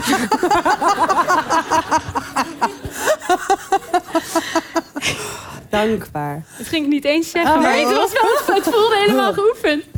Ehm, nee, maar het is heel erg een beetje het principe van... ehm, it's about the journey, not the destination. Oh ja, ook kotsen, ja. Sorry, sorry daarvoor. Sorry dat ik dit zei. Daar ga Maar ik het is- altijd met de trein naar Barcelona. All right. Ja, het gaat niet om Barcelona. Nee, het gaat niet om Barcelona. Het gaat om de journey. nee, maar dus eh, waarde...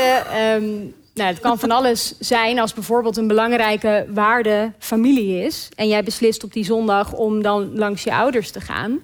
Ehm, en het is, blijkt niet zo gezellig te zijn, of het viel toch een beetje tegen, of het is ja, niet wat je ervan hoopte. Dan maakt het dus minder uit dat het dat dat niet zo was wat je ervan had verwacht. Omdat je dus eigenlijk je die beslissing hebt gemaakt op basis van... ja, maar dit is iets wat heel belangrijk in mijn leven is. En daarom kies ik ervoor. Niet omdat ik de beste dag moet hebben of alles eh, eruit moet halen.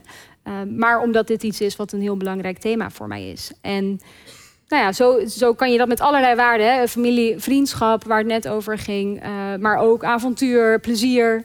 Ehm, dus als je, daar, als je dat een beetje voor jezelf wil gaan onderzoeken... dan denk ik dat je ja, veel tevredener gaat voelen. Sabine, Mooi. jij noemt jezelf een eh, tandarts met een slecht gebit. Eh, dat komt door dit boek. Je hebt een boek Ja. geschreven, Ik voel me zo. Eh, eh, leg uit, tandarts met een slecht gebit. Nou, jullie zeiden net eh the blind leading the blind. Ja. En toen dacht ik, oh, Dat ben ik maar ik eigenlijk weet niet of ik zo scherp zie. Ehm, natuurlijk, hè, ik heb ervoor gestudeerd, maar eh, dat, eh, dat zegt helaas ook niet alles. Want ehm, ja, een aantal jaar geleden liep ik zelf enorm vast. En ehm, moest ik eigenlijk wel in therapie. Dat heb ik een tijd eh, lang ontkend. Maar dat, eh, ja, dat helpt meestal niet als je dat ontkent. En ehm, ja, ik voelde me inderdaad de tandarts met slecht gebit. Want ik denk dat heel veel mensen al, hè, als ze vastlopen, om welke reden dan ook, daar best wel schaamte bij kunnen ervaren. Toch een gevoel van falen. Iedereen lijkt het leven te kunnen, behalve ik. Nou, en als je er dan ook nog voor gestudeerd hebt en je komt er niet uit, dan denk je, ja, ik zou dit toch moeten weten. Ja. Nou, dat wist ik niet. In ieder geval niet voor mezelf. En ehm, dat maakte dat het eventjes duurde voordat ik uiteindelijk eh, bij een fijne psycholoog eh, terecht eh, kwam. Uh, maar dat heeft natuurlijk wel enorm geholpen. En uh, daar gaat het boek over. Ja, Zou je een over- stukje willen Voorlezen. voorlezen? Ja, Op de... weten jullie het zeker? Ja, zeker. Het mag nog. Vooruit. Gaat Rinse nou hele lelijke spots op me? Ja, die zet gewoon je microfoon uit. Payback. Oké, ehm, klein stukje. Klein stukje. Klein stukje. Oké. Meer nog dan een antwoord op de vraag waarom ik me zo voel, wil ik weten hoe ik er vanaf kom. Volgens mijn redenatie leidt het weten van de oorzaak tot een oplossing en moet ik dus eerst het waarom zien te achterhalen. Ik bestel wat zelfhulpboeken om mij in mijn zoektocht te ondersteunen, maar die helpen me niet veel verder. Ik drink heel veel water, want dat is voor alles goed.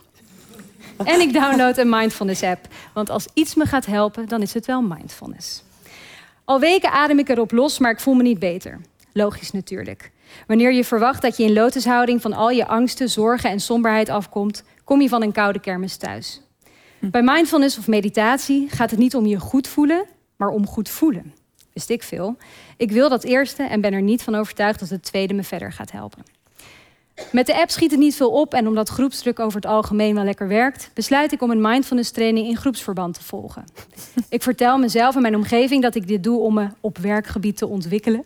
Maar stiekem hoop ik dat het me een nieuw mens zal maken. Hier alvast een tip. Begin nooit met iets waarvan je hoopt dat het je een nieuw mens zal maken.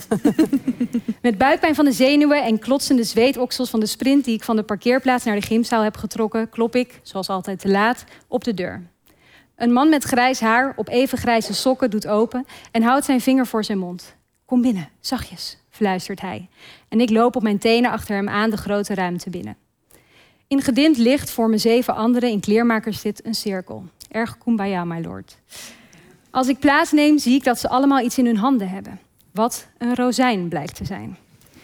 Ik krijg er ook een van de mannen op sokken, met de instructie die, er, die te observeren en eraan te ruiken.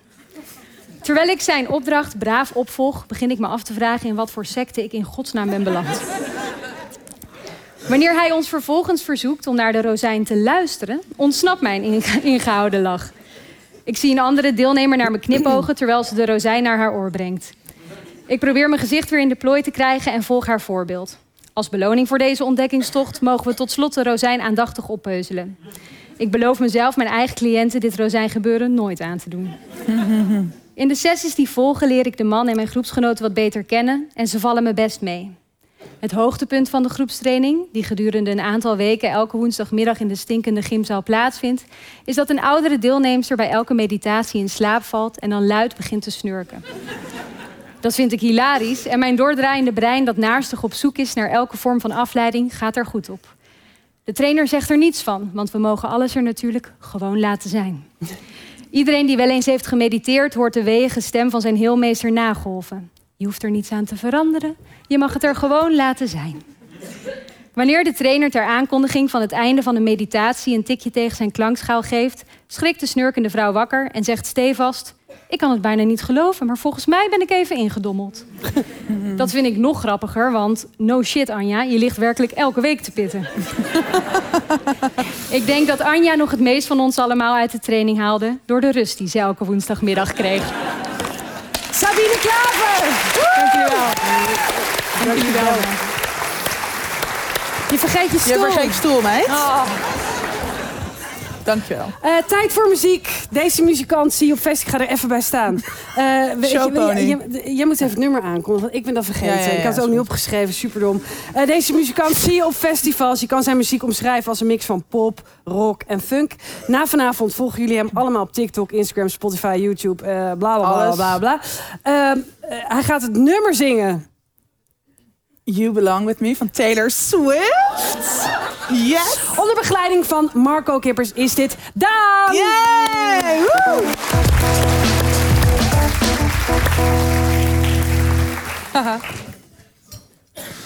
Wow. Lekker zaaltje. hè? Lekker zaaltje. Ah, lekker zaaltje. Jullie mogen ook staan en dansen hoor. Als jullie dat willen. Maar het hoeft niet. Vooral Malou.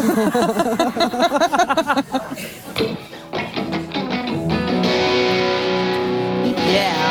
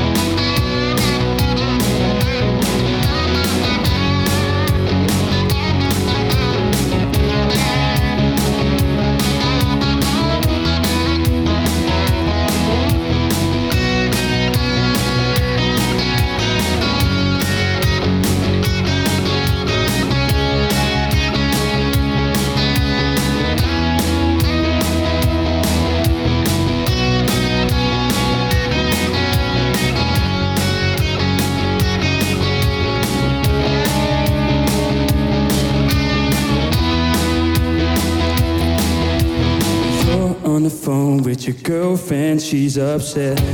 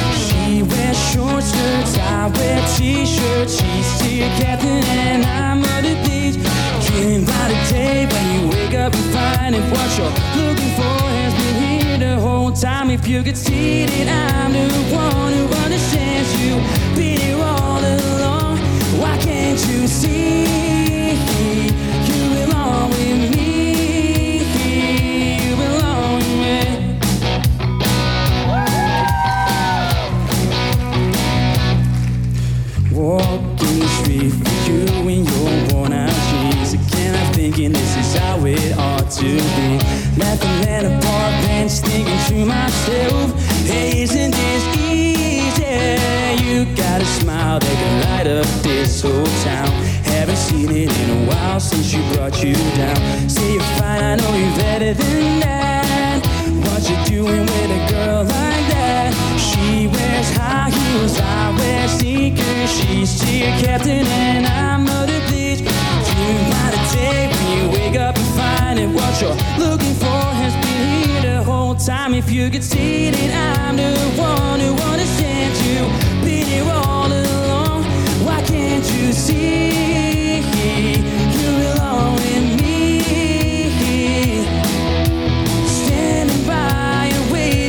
Front door all this time.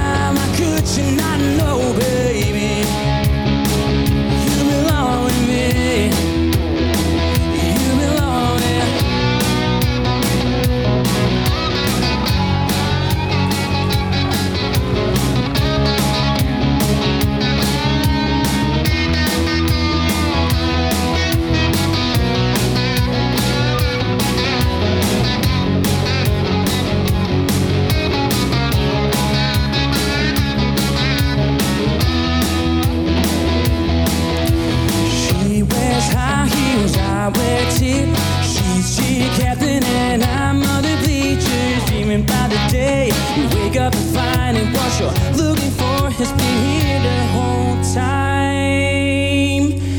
If you could see that I'm the one who understands you, been here all along. Why can't you see?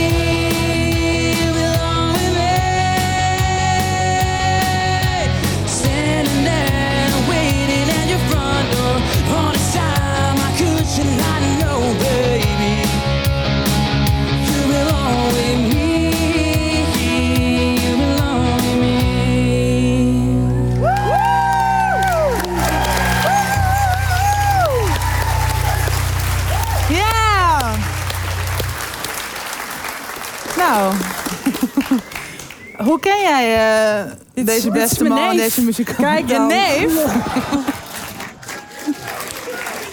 Love it. Ja, zo is... Ik Je ben, heel, ik ben ook heel muzikaal. Ja, dat is ongelooflijk inderdaad. dit kan, dit kan bijna niet, zijn. hè? Nee, ja, nou ja, nee, dat kan ook helemaal niet. Dat is ook onzin. Gelukkig gaan je andere dingen heel goed.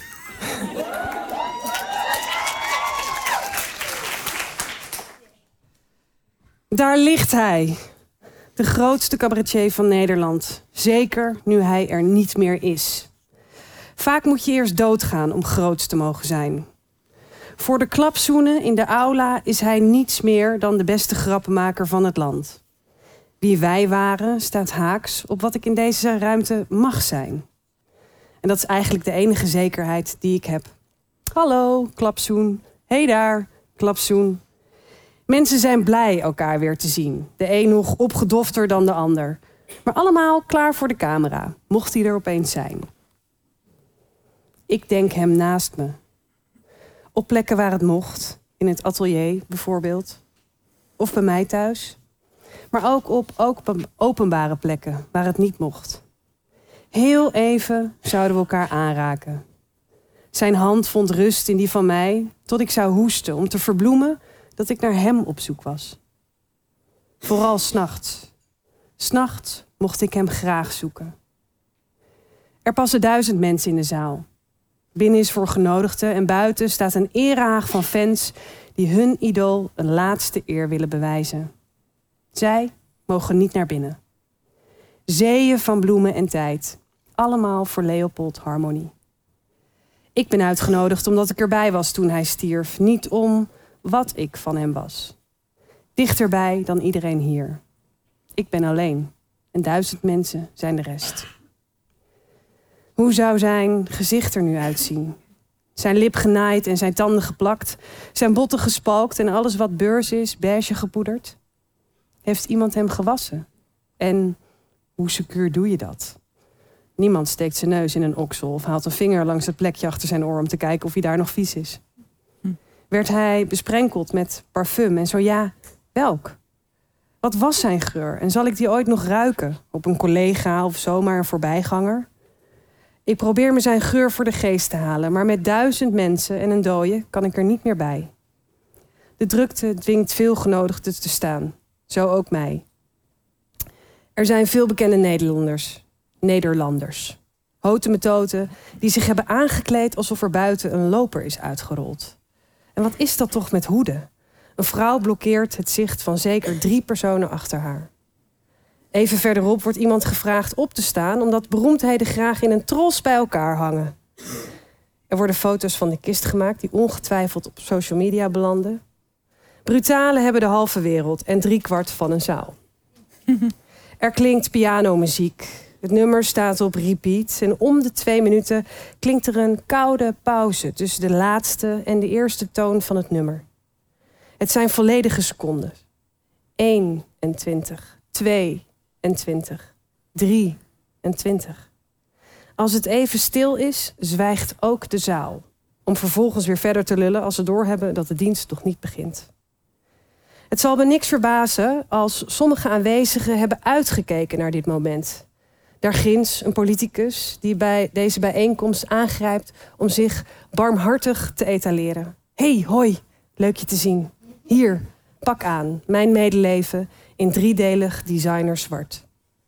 Er komt een oude vrouw naast me staan. Ze draagt een zwarte polkadot jurk met rode schoenen, een rood tasje en rode lippenstift. Ik weet niet waarom, maar ik heb eh, altijd al een hekel gehad aan matching accessoires, zeker als ze rood zijn. Omdat alles wat ik te zeggen heb in stilte moet, draag ik mijn donkerblauwe strapless jurk. De jurk waarbij ik zijn blik heb onthouden toen hij me erin zag. Een blik die overeenkomt met de foto op de kist. Ja, zo kon hij kijken. In deze jurk kan ik zwijgend zeggen dat ik niet zal vergeten hoe hij naar me keek. Dat beloof ik.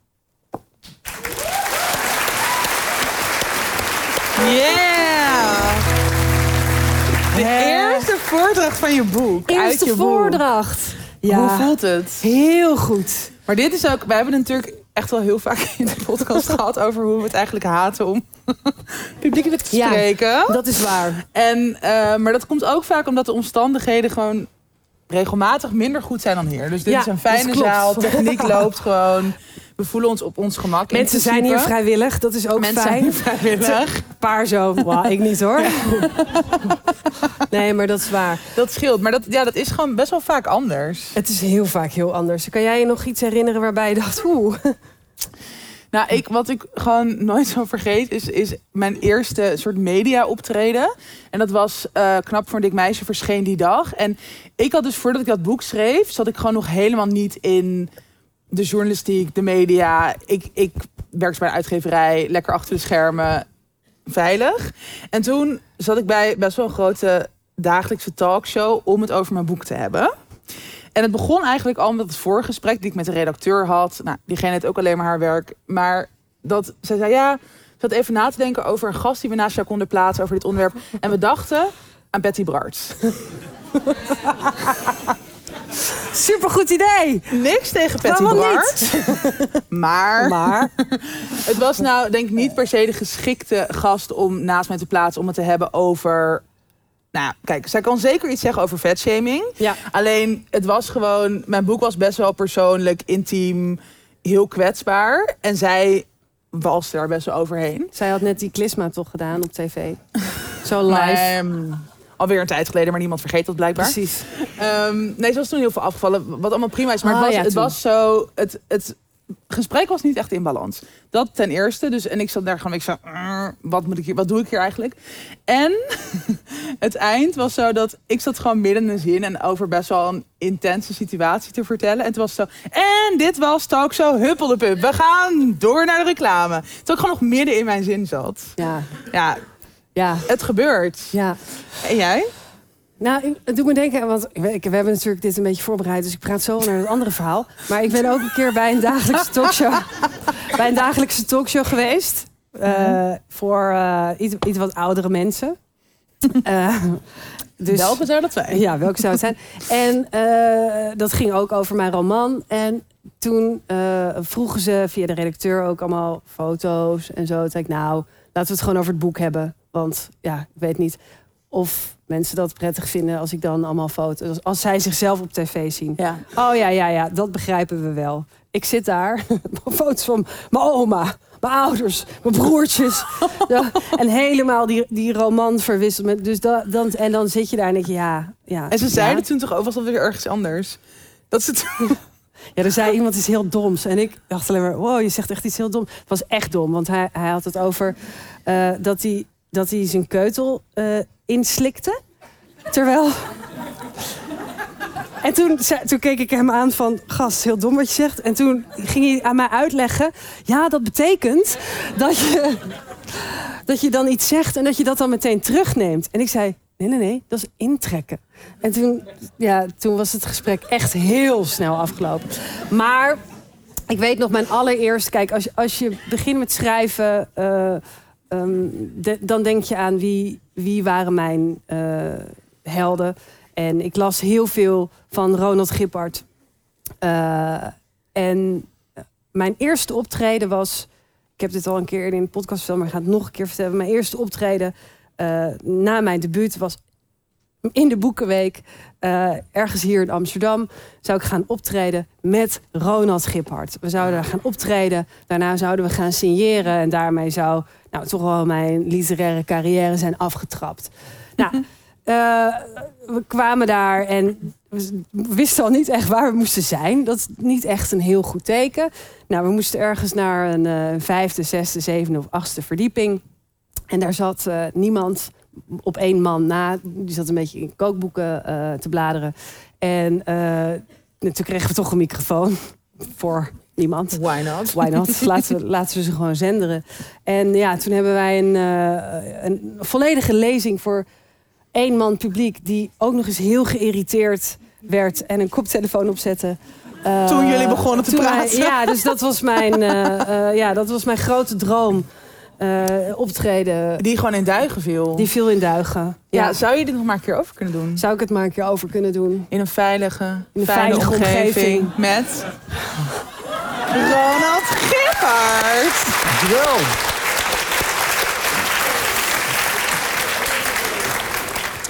Ik ben zo iemand die op partijtjes pas aan het eind verschijnt... maar een existentiële hekel heeft aan iedereen die het waagt... om op mijn feesten te laten komen. De kneusjes komen altijd het eerst, dat weet iedereen. En dat was op mijn feest niet anders. Tussen de vele vroege gasten druppelde ook redelijk wat oud-minnaars naar binnen. De eerste was Mark Breukelmans. Een goddelijke, gespierde atleet die als enige nadeel heeft... dat iedereen die met hem praat onmiddellijk in slaap valt. ik ging met hem in de tijd dat ik nog dacht dat jongens die niets te zeggen hebben... eigenlijk best iets te zeggen hebben als je maar goed genoeg luistert. Mijn god dat ik naar die jongen geluisterd heb. Tot ik er hersendood bij neerviel. Toen ik onze relatie na een paar weken van pure verveling beëindigde... knikte Breukelmans eerst langdurig... en daarna begon hij heel aandoenlijk zachtjes te huilen. We hadden het toch hartstikke goed samen? Snotterde hij, wat hij geloof ik echt meende. Ook qua seks was hij een hartstikke kneus. De filosoof Plato die zegt dat het mooie een manifestatie is van het goede. En ik zou dat toch willen tegenspreken. ik heb in bed genoeg wondermooie mannenlichamen meegemaakt... die er seksueel niets goeds van bakten, meneer Plato. Wie er wel wat van bakte... en zich ook al vroeg op mijn feest naar binnen sleepte... was Pascal, mijn problemenjongetje. Pascal is pas gelukkig als hij zich diep on- ongelukkig voelt.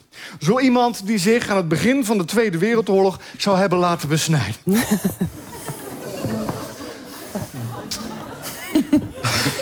Genetisch is hij niet in staat om ergens tevreden over zijn... maar neuken, dat kon hij erg goed.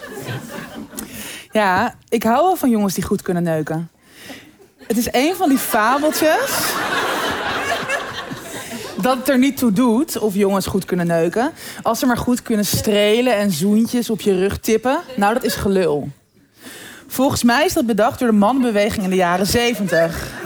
Zo van democratisering, inkomensnivellering en dus ook penisnivellering. Iedereen bij zijn geboorte doctorandus. En ook iedereen een goede minnaar. Jij hebt het geschreven. Ja, zeker. Zo is het ook een fabeltje dat de grootte van de penis er niet toe zou doen. Sorry hoor, maar ik vind een grote lul toch echt prettiger dan een kleine. Ik zeg niet dat een kleintje vervelend is. Alleen is de pleasure reach van een lange of een dikke groter. Ja, simpel. En als ik mezelf even mag tegenspreken. Natuurlijk is het ook een fabeltje dat je op grond van een mens... eh, of van een mans eigenlijk, niet per se Ah, mens. Ja, dat zijn ook mensen. Van een mans lichaamsbouw niet iets over zijn geslachtsdeel zou kunnen zeggen. Alsof bij pikken plotseling de gulden snede niet meer zou gelden. Grofweg komt het toch hierop neer dat grote mannen grotere lullen hebben. En dus een grotere genotsrijkwijde. Zo, die zit. Zo, Hallo. Wil je nou, ook Malou? nog eh, meedoen? We weten allemaal hoe leuk Malou dit vindt.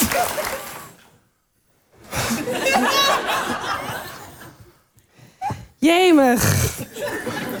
Ik lig mezelf hier op mijn dakterras in de zon gewoon ordinair te vingeren.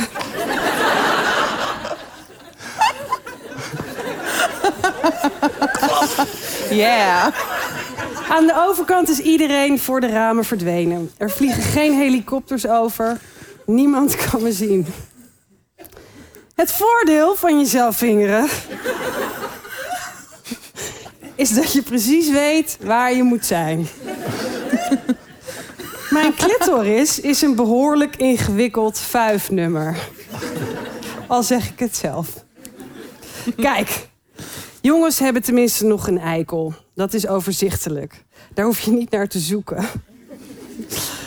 Een beetje eikel presenteert zich zo wel. Wat bloed, derwaarts en plop. Hallo, hier ben ik. Pak me maar beet. Neem me maar tussen je snijtanden.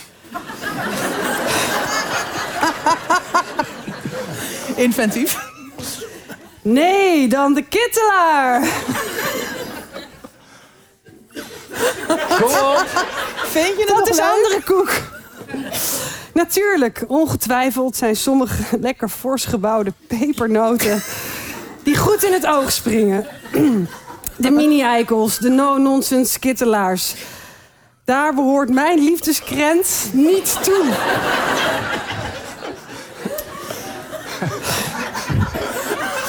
Mijn clitoris openbaart zich op het eerste gezicht helemaal niet. Maar ligt verscholen tussen tientallen andere rood glanzende vleesvlokken. Van die fopbolletjes, waar een gemiddelde jongensstakker eerst heel onverzaagd tientallen minuten aan zuigt. Tot hij erachter komt dat hij misschien toch voor spek en bonen lag te lurken.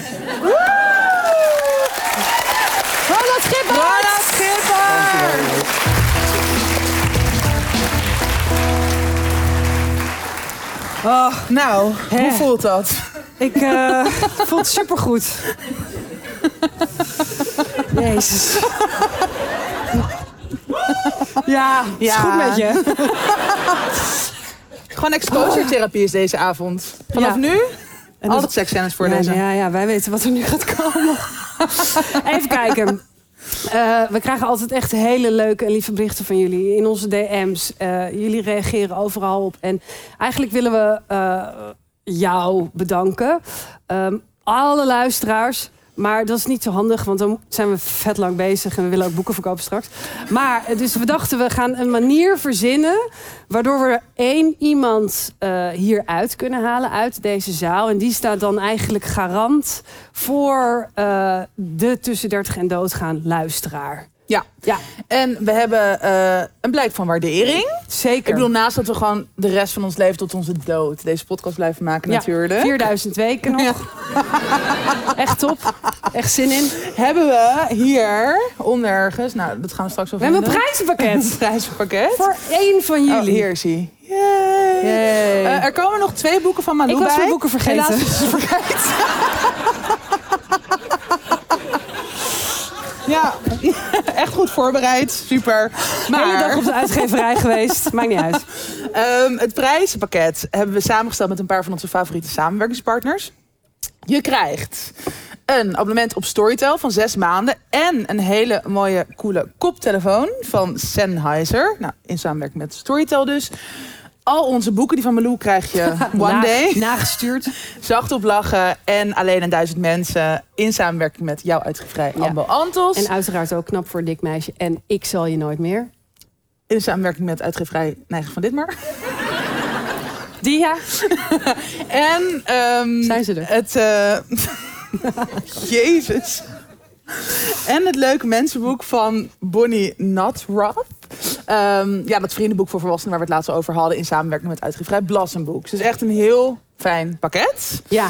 Ehm, ja, hoe gaan we dit eh, doen? Oké, het is de doen? hoogste tijd voor een heuse quiz. Een quiz. Wie houdt van quiz? Ik niet. Is allemaal quizzen. Eh, ja, wie kent ons het beste? Dat is eigenlijk de wie kent de podcast het beste, wie kent het onderwerp het beste.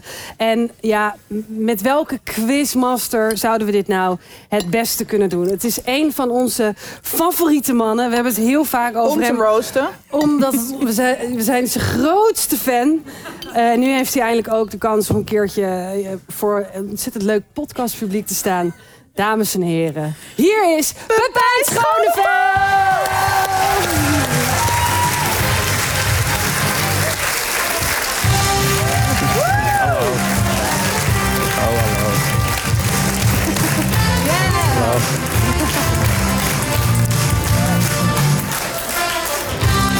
Ja, hallo ladies. Ehm, oh my god, waar zijn de mannen? Wie zijn de zijn mannen even handen? Handen. Wat een losers. Hey, ehm, ja, gaat toch niet hierheen als je man bent. Hey, ehm, we gaan een quiz doen, mensen. Nu wordt het echt leuk. Ehm, we gaan een quiz doen. Eh, daarvoor, eh, ja, eh, staan is antwoord A. zitten is antwoord B. Snapt iemand dit niet? Ehm, dus ik geef twee opties. En eh, de eerste is dan staan. De tweede is zitten. Een eh, beetje zalig, want dan kan ik controleren. Of, eh, oh my god, zijn echt veel vrouwen. Ehm, Oké, we gaan er gewoon even een proef doen. We doen er één proef. Ehm, is mijn telefoonnummer 0649 149 887 of is mijn telefoonnummer 06 12345678? Het, Wat dus- is het verschil? Je moet toch staan en zitten zeggen? Oh ja, ik moet even staan en zitten. Nou, maar ik dacht dat ik dat... Hou je bek. Ehm, even- nu even mijn... mijn.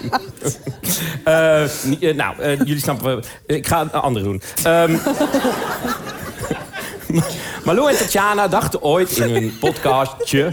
eh, we- eh, eh, we- we vi- we- het zou leuk zijn als onze luisteraars een groete doen aan Pepijn. Dus als ze hem op straat tegenkomen, zeg dan even hoi of hallo of hey, lekker ding. Gewoon iets, iets leuks. Hoeveel vrouwen denken jullie dat de groeten hebben gedaan aan mij? Is dat staan 2 of zitten 23?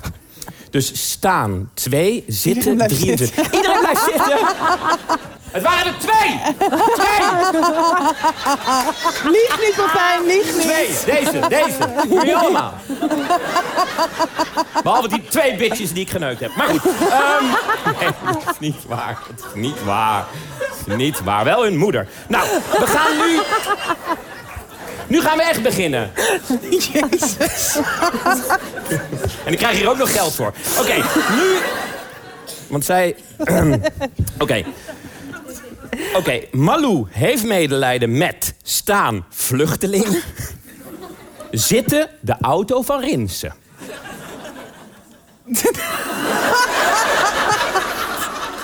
Ik was gaan staan, alleen maar om haar te fucken. Maar het is, het is zitten. Oh my god. ja, ze vertelde dat ze meelijden had met de auto van Rinsen. Ehm, Iedereen doet nog mee. ja, iedereen doet nog mee. We hebben niet zo heel veel vragen, mensen. Maar ehm, Te makkelijk. eh, ze was ook al heel erg eh, verdrietig toen de fiets werd gestolen. Eh, trouwens, eh, leuk om erbij te vertellen... op sociale media kregen ze veel bijval. Zo hadden enkele van jullie medelijden met kerstbomen...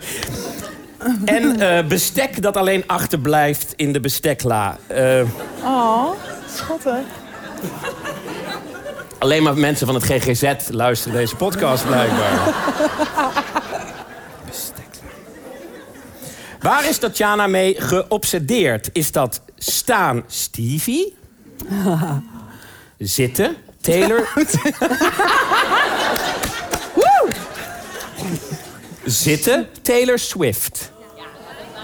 Kom op! Allebei, hè? Ja. Wow. Cute. Oké, oké. Tatjana, wat is het antwoord? Erg close, maar ja, toch wel een coach. Oh, dus iedereen die staat eh, mag, mag weer gaan zitten trouwens. Maar niet vals spelen. Hè? Dus, dus als je net, eh, als je net eh, eh, zat, ben je af. Moeilijke Oké. quiz. Wat is Erg waar? moeilijke quiz. Wat is waar? Staan, Malou heeft laatst zelf een tosti kaas gemaakt. Zitten, Tatjana gaat in december voor twee weken naar New York. Onthoud GGZ. Ehm Malou heeft laatst eh, eh, zelf een tosti kaas gemaakt. En Staan, zitten, Malou gaat, op twee, eh, gaat in december voor twee weken naar New York. Nee, ik. Eh, de- Tatjana. Oké. Dus, Jezus, nog een keer. Staan. Malou heeft laatst zelf een tosti kaas gemaakt. Het is knettergek. Zitten. Tatjana gaat in december voor twee weken naar New York. Het antwoord is staan is goed. Malou heeft een tosti kaas gemaakt. Gefeliciteerd, Mom. Groot applaus. Wie, is- wie zijn er nog... Nee, jammer. Misschien ga ik nu alsnog. Jullie hebben me Zullen jullie geïnspireerd. even praten met elkaar of zo? Dat ik hier gewoon niks sta te doen. Oké, we gaan door. Wie zijn er nog over? Wie zijn er nog over? Vingers? Oké, we moeten goed door. Eh, in welk café heeft Tatjana een eigen VIP-matras? Staan het skatecafé. Zitten Garage Noord. Dus staan het skatecafé, zitten Garage Noord. Het is het skatecafé, mensen. Het is het skatecafé. Het was, eh, ja, het was heel, zo erg dat op een gegeven moment, als zij er niet was... mensen, en mensen waren in het skatecafé gingen ze berichten sturen... waar blijft Tatjana? Dat noemen ze ook wel alcoholisme, mensen. Ehm, wat is het laatste appje dat ik naar Malou stuurde? Staan. Ik sta voor de deur. Niemand doet open. Ik voel me niet welkom. Zitten. Je mag me een bureaulamp lenen, maar als hij stuk gaat, breek ik je nek. Staan, ik sta voor de deur. Niemand doet open. Ik voel me niet welkom hier voor de... En zitten, je mag mijn bureaulamp lenen... maar als eh, hij stuk is, breek ik je nek. Denkt iedereen dat ik dat... Ik sta hier. Mannen doen niet mee. jawel, jawel. Oh, hoi. Oh, Het, eh, het, het was, het was, eh, eh, het was eh, staan. Eh, ik sta voor de deur, niemand doet open, ik voel me niet welkom. Toen stuurde Malou terug, van wie is dit nummer? Dat is vriendschap, dat is vriendschap. Dus eh, degene die... eh, Nog maar die- heel weinig mensen, geloof ik. Ja, wie zijn er nog over? Ja, veel. Oh, heel goed, heel goed. Ehm, van wie kreeg Tatjana een standje? De dierenarts of de gynaecoloog? Dus staan de dierenarts, zitten die gynaecoloog. Gyno, ik, gynaecoloog. Nou, dit mag je even oefenen. Gyn- gynaecoloog. Ik kom daar nooit, dus ik kan dat niet uitspreken. Is dat staan de dierenarts of zitten de gynaecoloog? Het is de dierenarts. Ehm, eh, want eh, Stevie was, eh, die had een dreadlock op haar rug. En de dierenarts vond Stevie te dik. Toen de dierenarts erachter kwam dat Tatjana de schrijver was van het boek Knap voor een dik meisje, veranderde de conversatie ineens. Werd het super ongemakkelijk. Ja. Ja, en hij helaas. verexcuseerde zich. Wie zijn er nu nog over? Oh, spannend. Gast nog steeds. En boven? Eh, waar bestaat Malou Holshuizen uit? Staan, zwartgal, zitten, pinda. Staan, zwartgal, dat ze zo zwartgallig is. Zitten, pinda. Alleen mijn moeder staat. Het is eh, staan natuurlijk, zwartgal. Ze is eh, hartstikke verbitterd, die vrouw. Dus staan. Wie zijn er nu nog over? Er zijn er niet veel meer, hè? Eén, twee en de ene gast daar. Maar misschien nog boven. Die ene gast. Hoeveel? Is daar ook nog mensen Boven over? oké, oké. Of niet? Wie, wie jankt er als mensen gaan applaudisseren tijdens een concert? Wie jankt er als mensen gaan applaudisseren tijdens concerten? Is dat staan Malou, zitten Tatjana? Staan Malou, zitten Tatjana. Het is...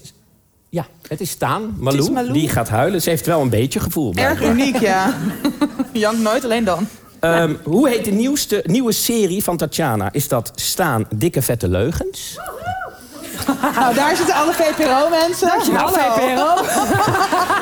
Love you all. Iedereen weet nu het antwoord, maar goed. Ehm dankjewel, VPRO. Dankjewel, Vape. Hoe heet de nieuwe serie van Tatjana? Is dat Dikke Vette Leugens of eh, Zitten Dikke Vette Schande? Nou, we weten het allemaal, ja.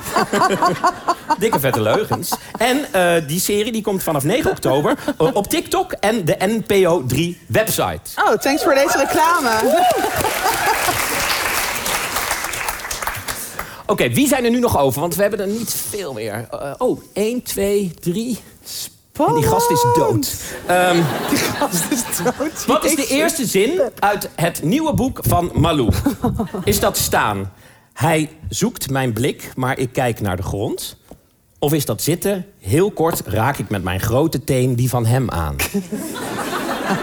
Denk aan Malou, denk aan Malou. En die zieke geest. Denk. Staan, hij zoekt mijn blik, maar ik kijk naar de grond. Zitten, heel kort raak ik met mijn grote teen die van hem aan. Het is natuurlijk de eerste zin. Hij zoekt mijn blik, maar ik kijk naar de grond. Dus eh, jullie zijn dan nog over, hè? En jij ook nog. Jij blijft gewoon de hele tijd staan, prima. Gewoon. ik denk, fuck it. Ik kom ook echt niet naar boven om dat cadeau te geven, dus stop maar. Ehm zoveel krijg ik ook niet betaald. Ehm, eh, de volgende vraag. Hoe dacht ik eerst dat Tatjana heet? Of hoe noemde ik haar heel vaak? Was dat Letitia Multatuli? of Mariana Aluminium? Dus staan Letitia Multatuli? Of B. Mariana Aluminium? Eh, het is Letitia Multatuli. Zo noemde ik Yeah. haar altijd liefkozend. Oh, echt Waarom applaus? weinig. Maar goed. Ehm, er zijn nog twee over. Hè? Ik zag net, jij staat nog de hele tijd. En daar, hè? Oké, oké. Wat is het Instagram-account van de vader van Malou? Is dat Erik de Perik 3436? Of is dat Erik de Perik 3638? Dus staan Erik de Perik 3436. Zitten Oh. Erik de Perik 3638. Ik weet niet welke het is. Wel, ik, ik weet het niet. Het is Erik de Perik 34, 36. 34, 36, dus staan. Jullie nog, nog steeds. Oké. Misschien kunnen we dan nu... Ja, dit is leuk. Wat dan? dan dus er zijn nog twee over. Eh, dan moeten jullie er gewoon even roepen. Ehm, wat is zeg maar... eh, weet je de naam nog van het laatste dier dat hij gepost heeft? Hij heeft een... De gekke man heeft een dier gepost. Weet jij wat het laatste is? Niet? Weet jij wat het laatste is? Ook niet. Oké, nou, dan gaan we verder. Ehm, Oké, dit is wel, het, het komt goed uit. Want we gaan nu een, dit is een shout, een shootout, heet dit? Shootout. Shout-out. Ehm, Letitia, die... eh, Fuck you. sorry, ik zei het echt per ongeluk fout. ik ken deze vrouw niet. Tatjana, Tatjana, die is nog gekker dan Malou. Die gaat dan zo Oh, ochtends in het water springen. Ehm, eh, en nu heeft zij, weet zij ongeveer hoe vaak ze dat heeft gedaan. Zo, s ochtends vroeg in het water springen. Eh, en mogen jullie eh, raden, en wie dichtstbij zit, die wint. Dus hoe vaak denk jij dat, eh, dat zij in het water is gesprongen? Ja. Oh nee, Nee, in niet- totaal. in totaal. gewoon- Zeg maar in totaal. Nou, sinds twee winters geleden. Sinds twee winters geleden. Ja, laten we het makkelijker maken. Sinds twee winters geleden. Hoe grote fan ben je? Hè? Ik bedoel, daar gaat het om. Ja, maar het gaat echt om koud water. Niet in de hele zomer. Nee, Zeg maar, het is echt echt zo, wel koud echt zo, water koud zwemmen in het najaar. Klein piemeltje, weet je, je kent het. Dat is te Gewoon moeilijk. Echt dat.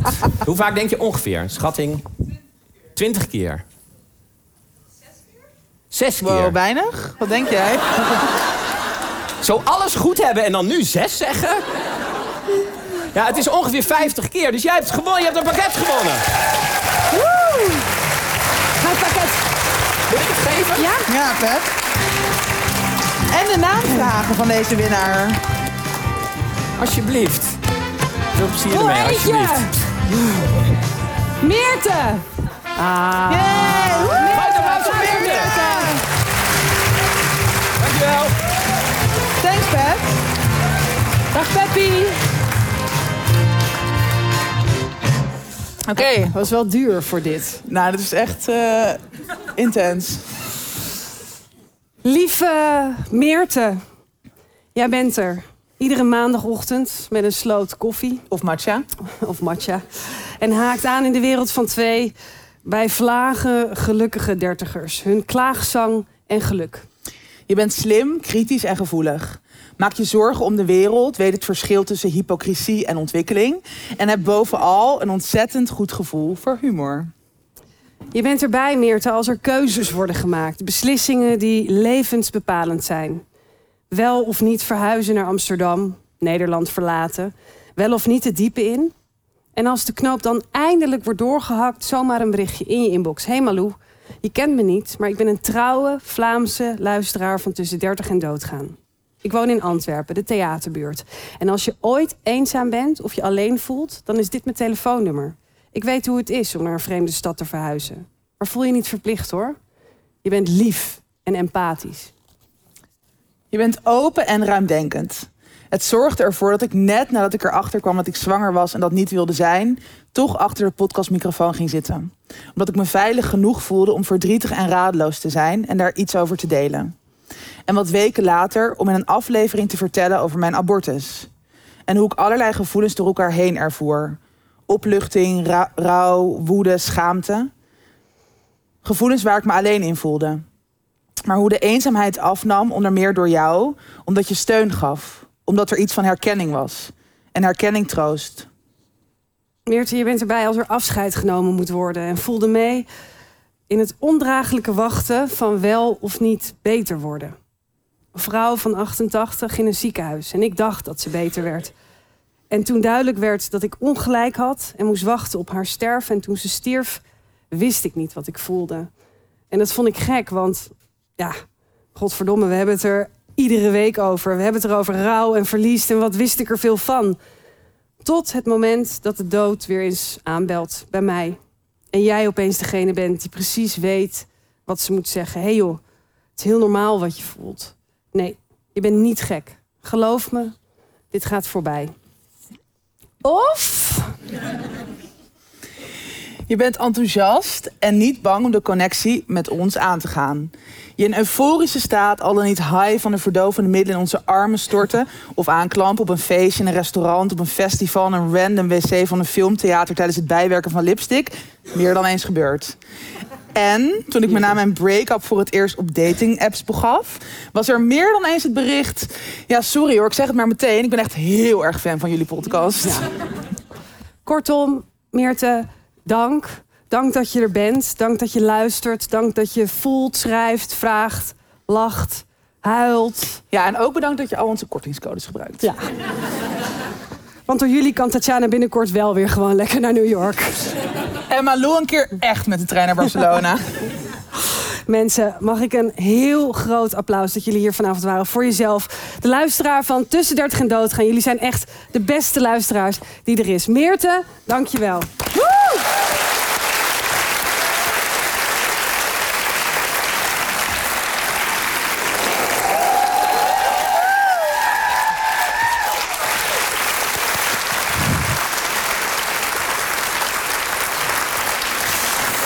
Ja, en ook een ontzettend groot applaus voor al onze gasten vanavond. Pepijn Schoneveld.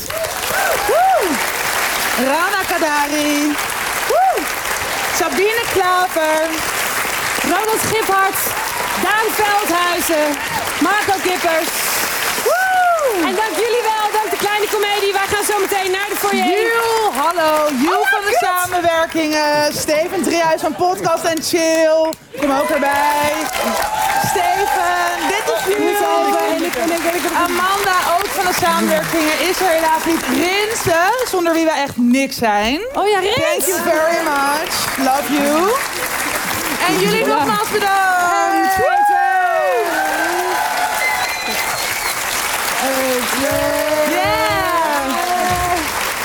it.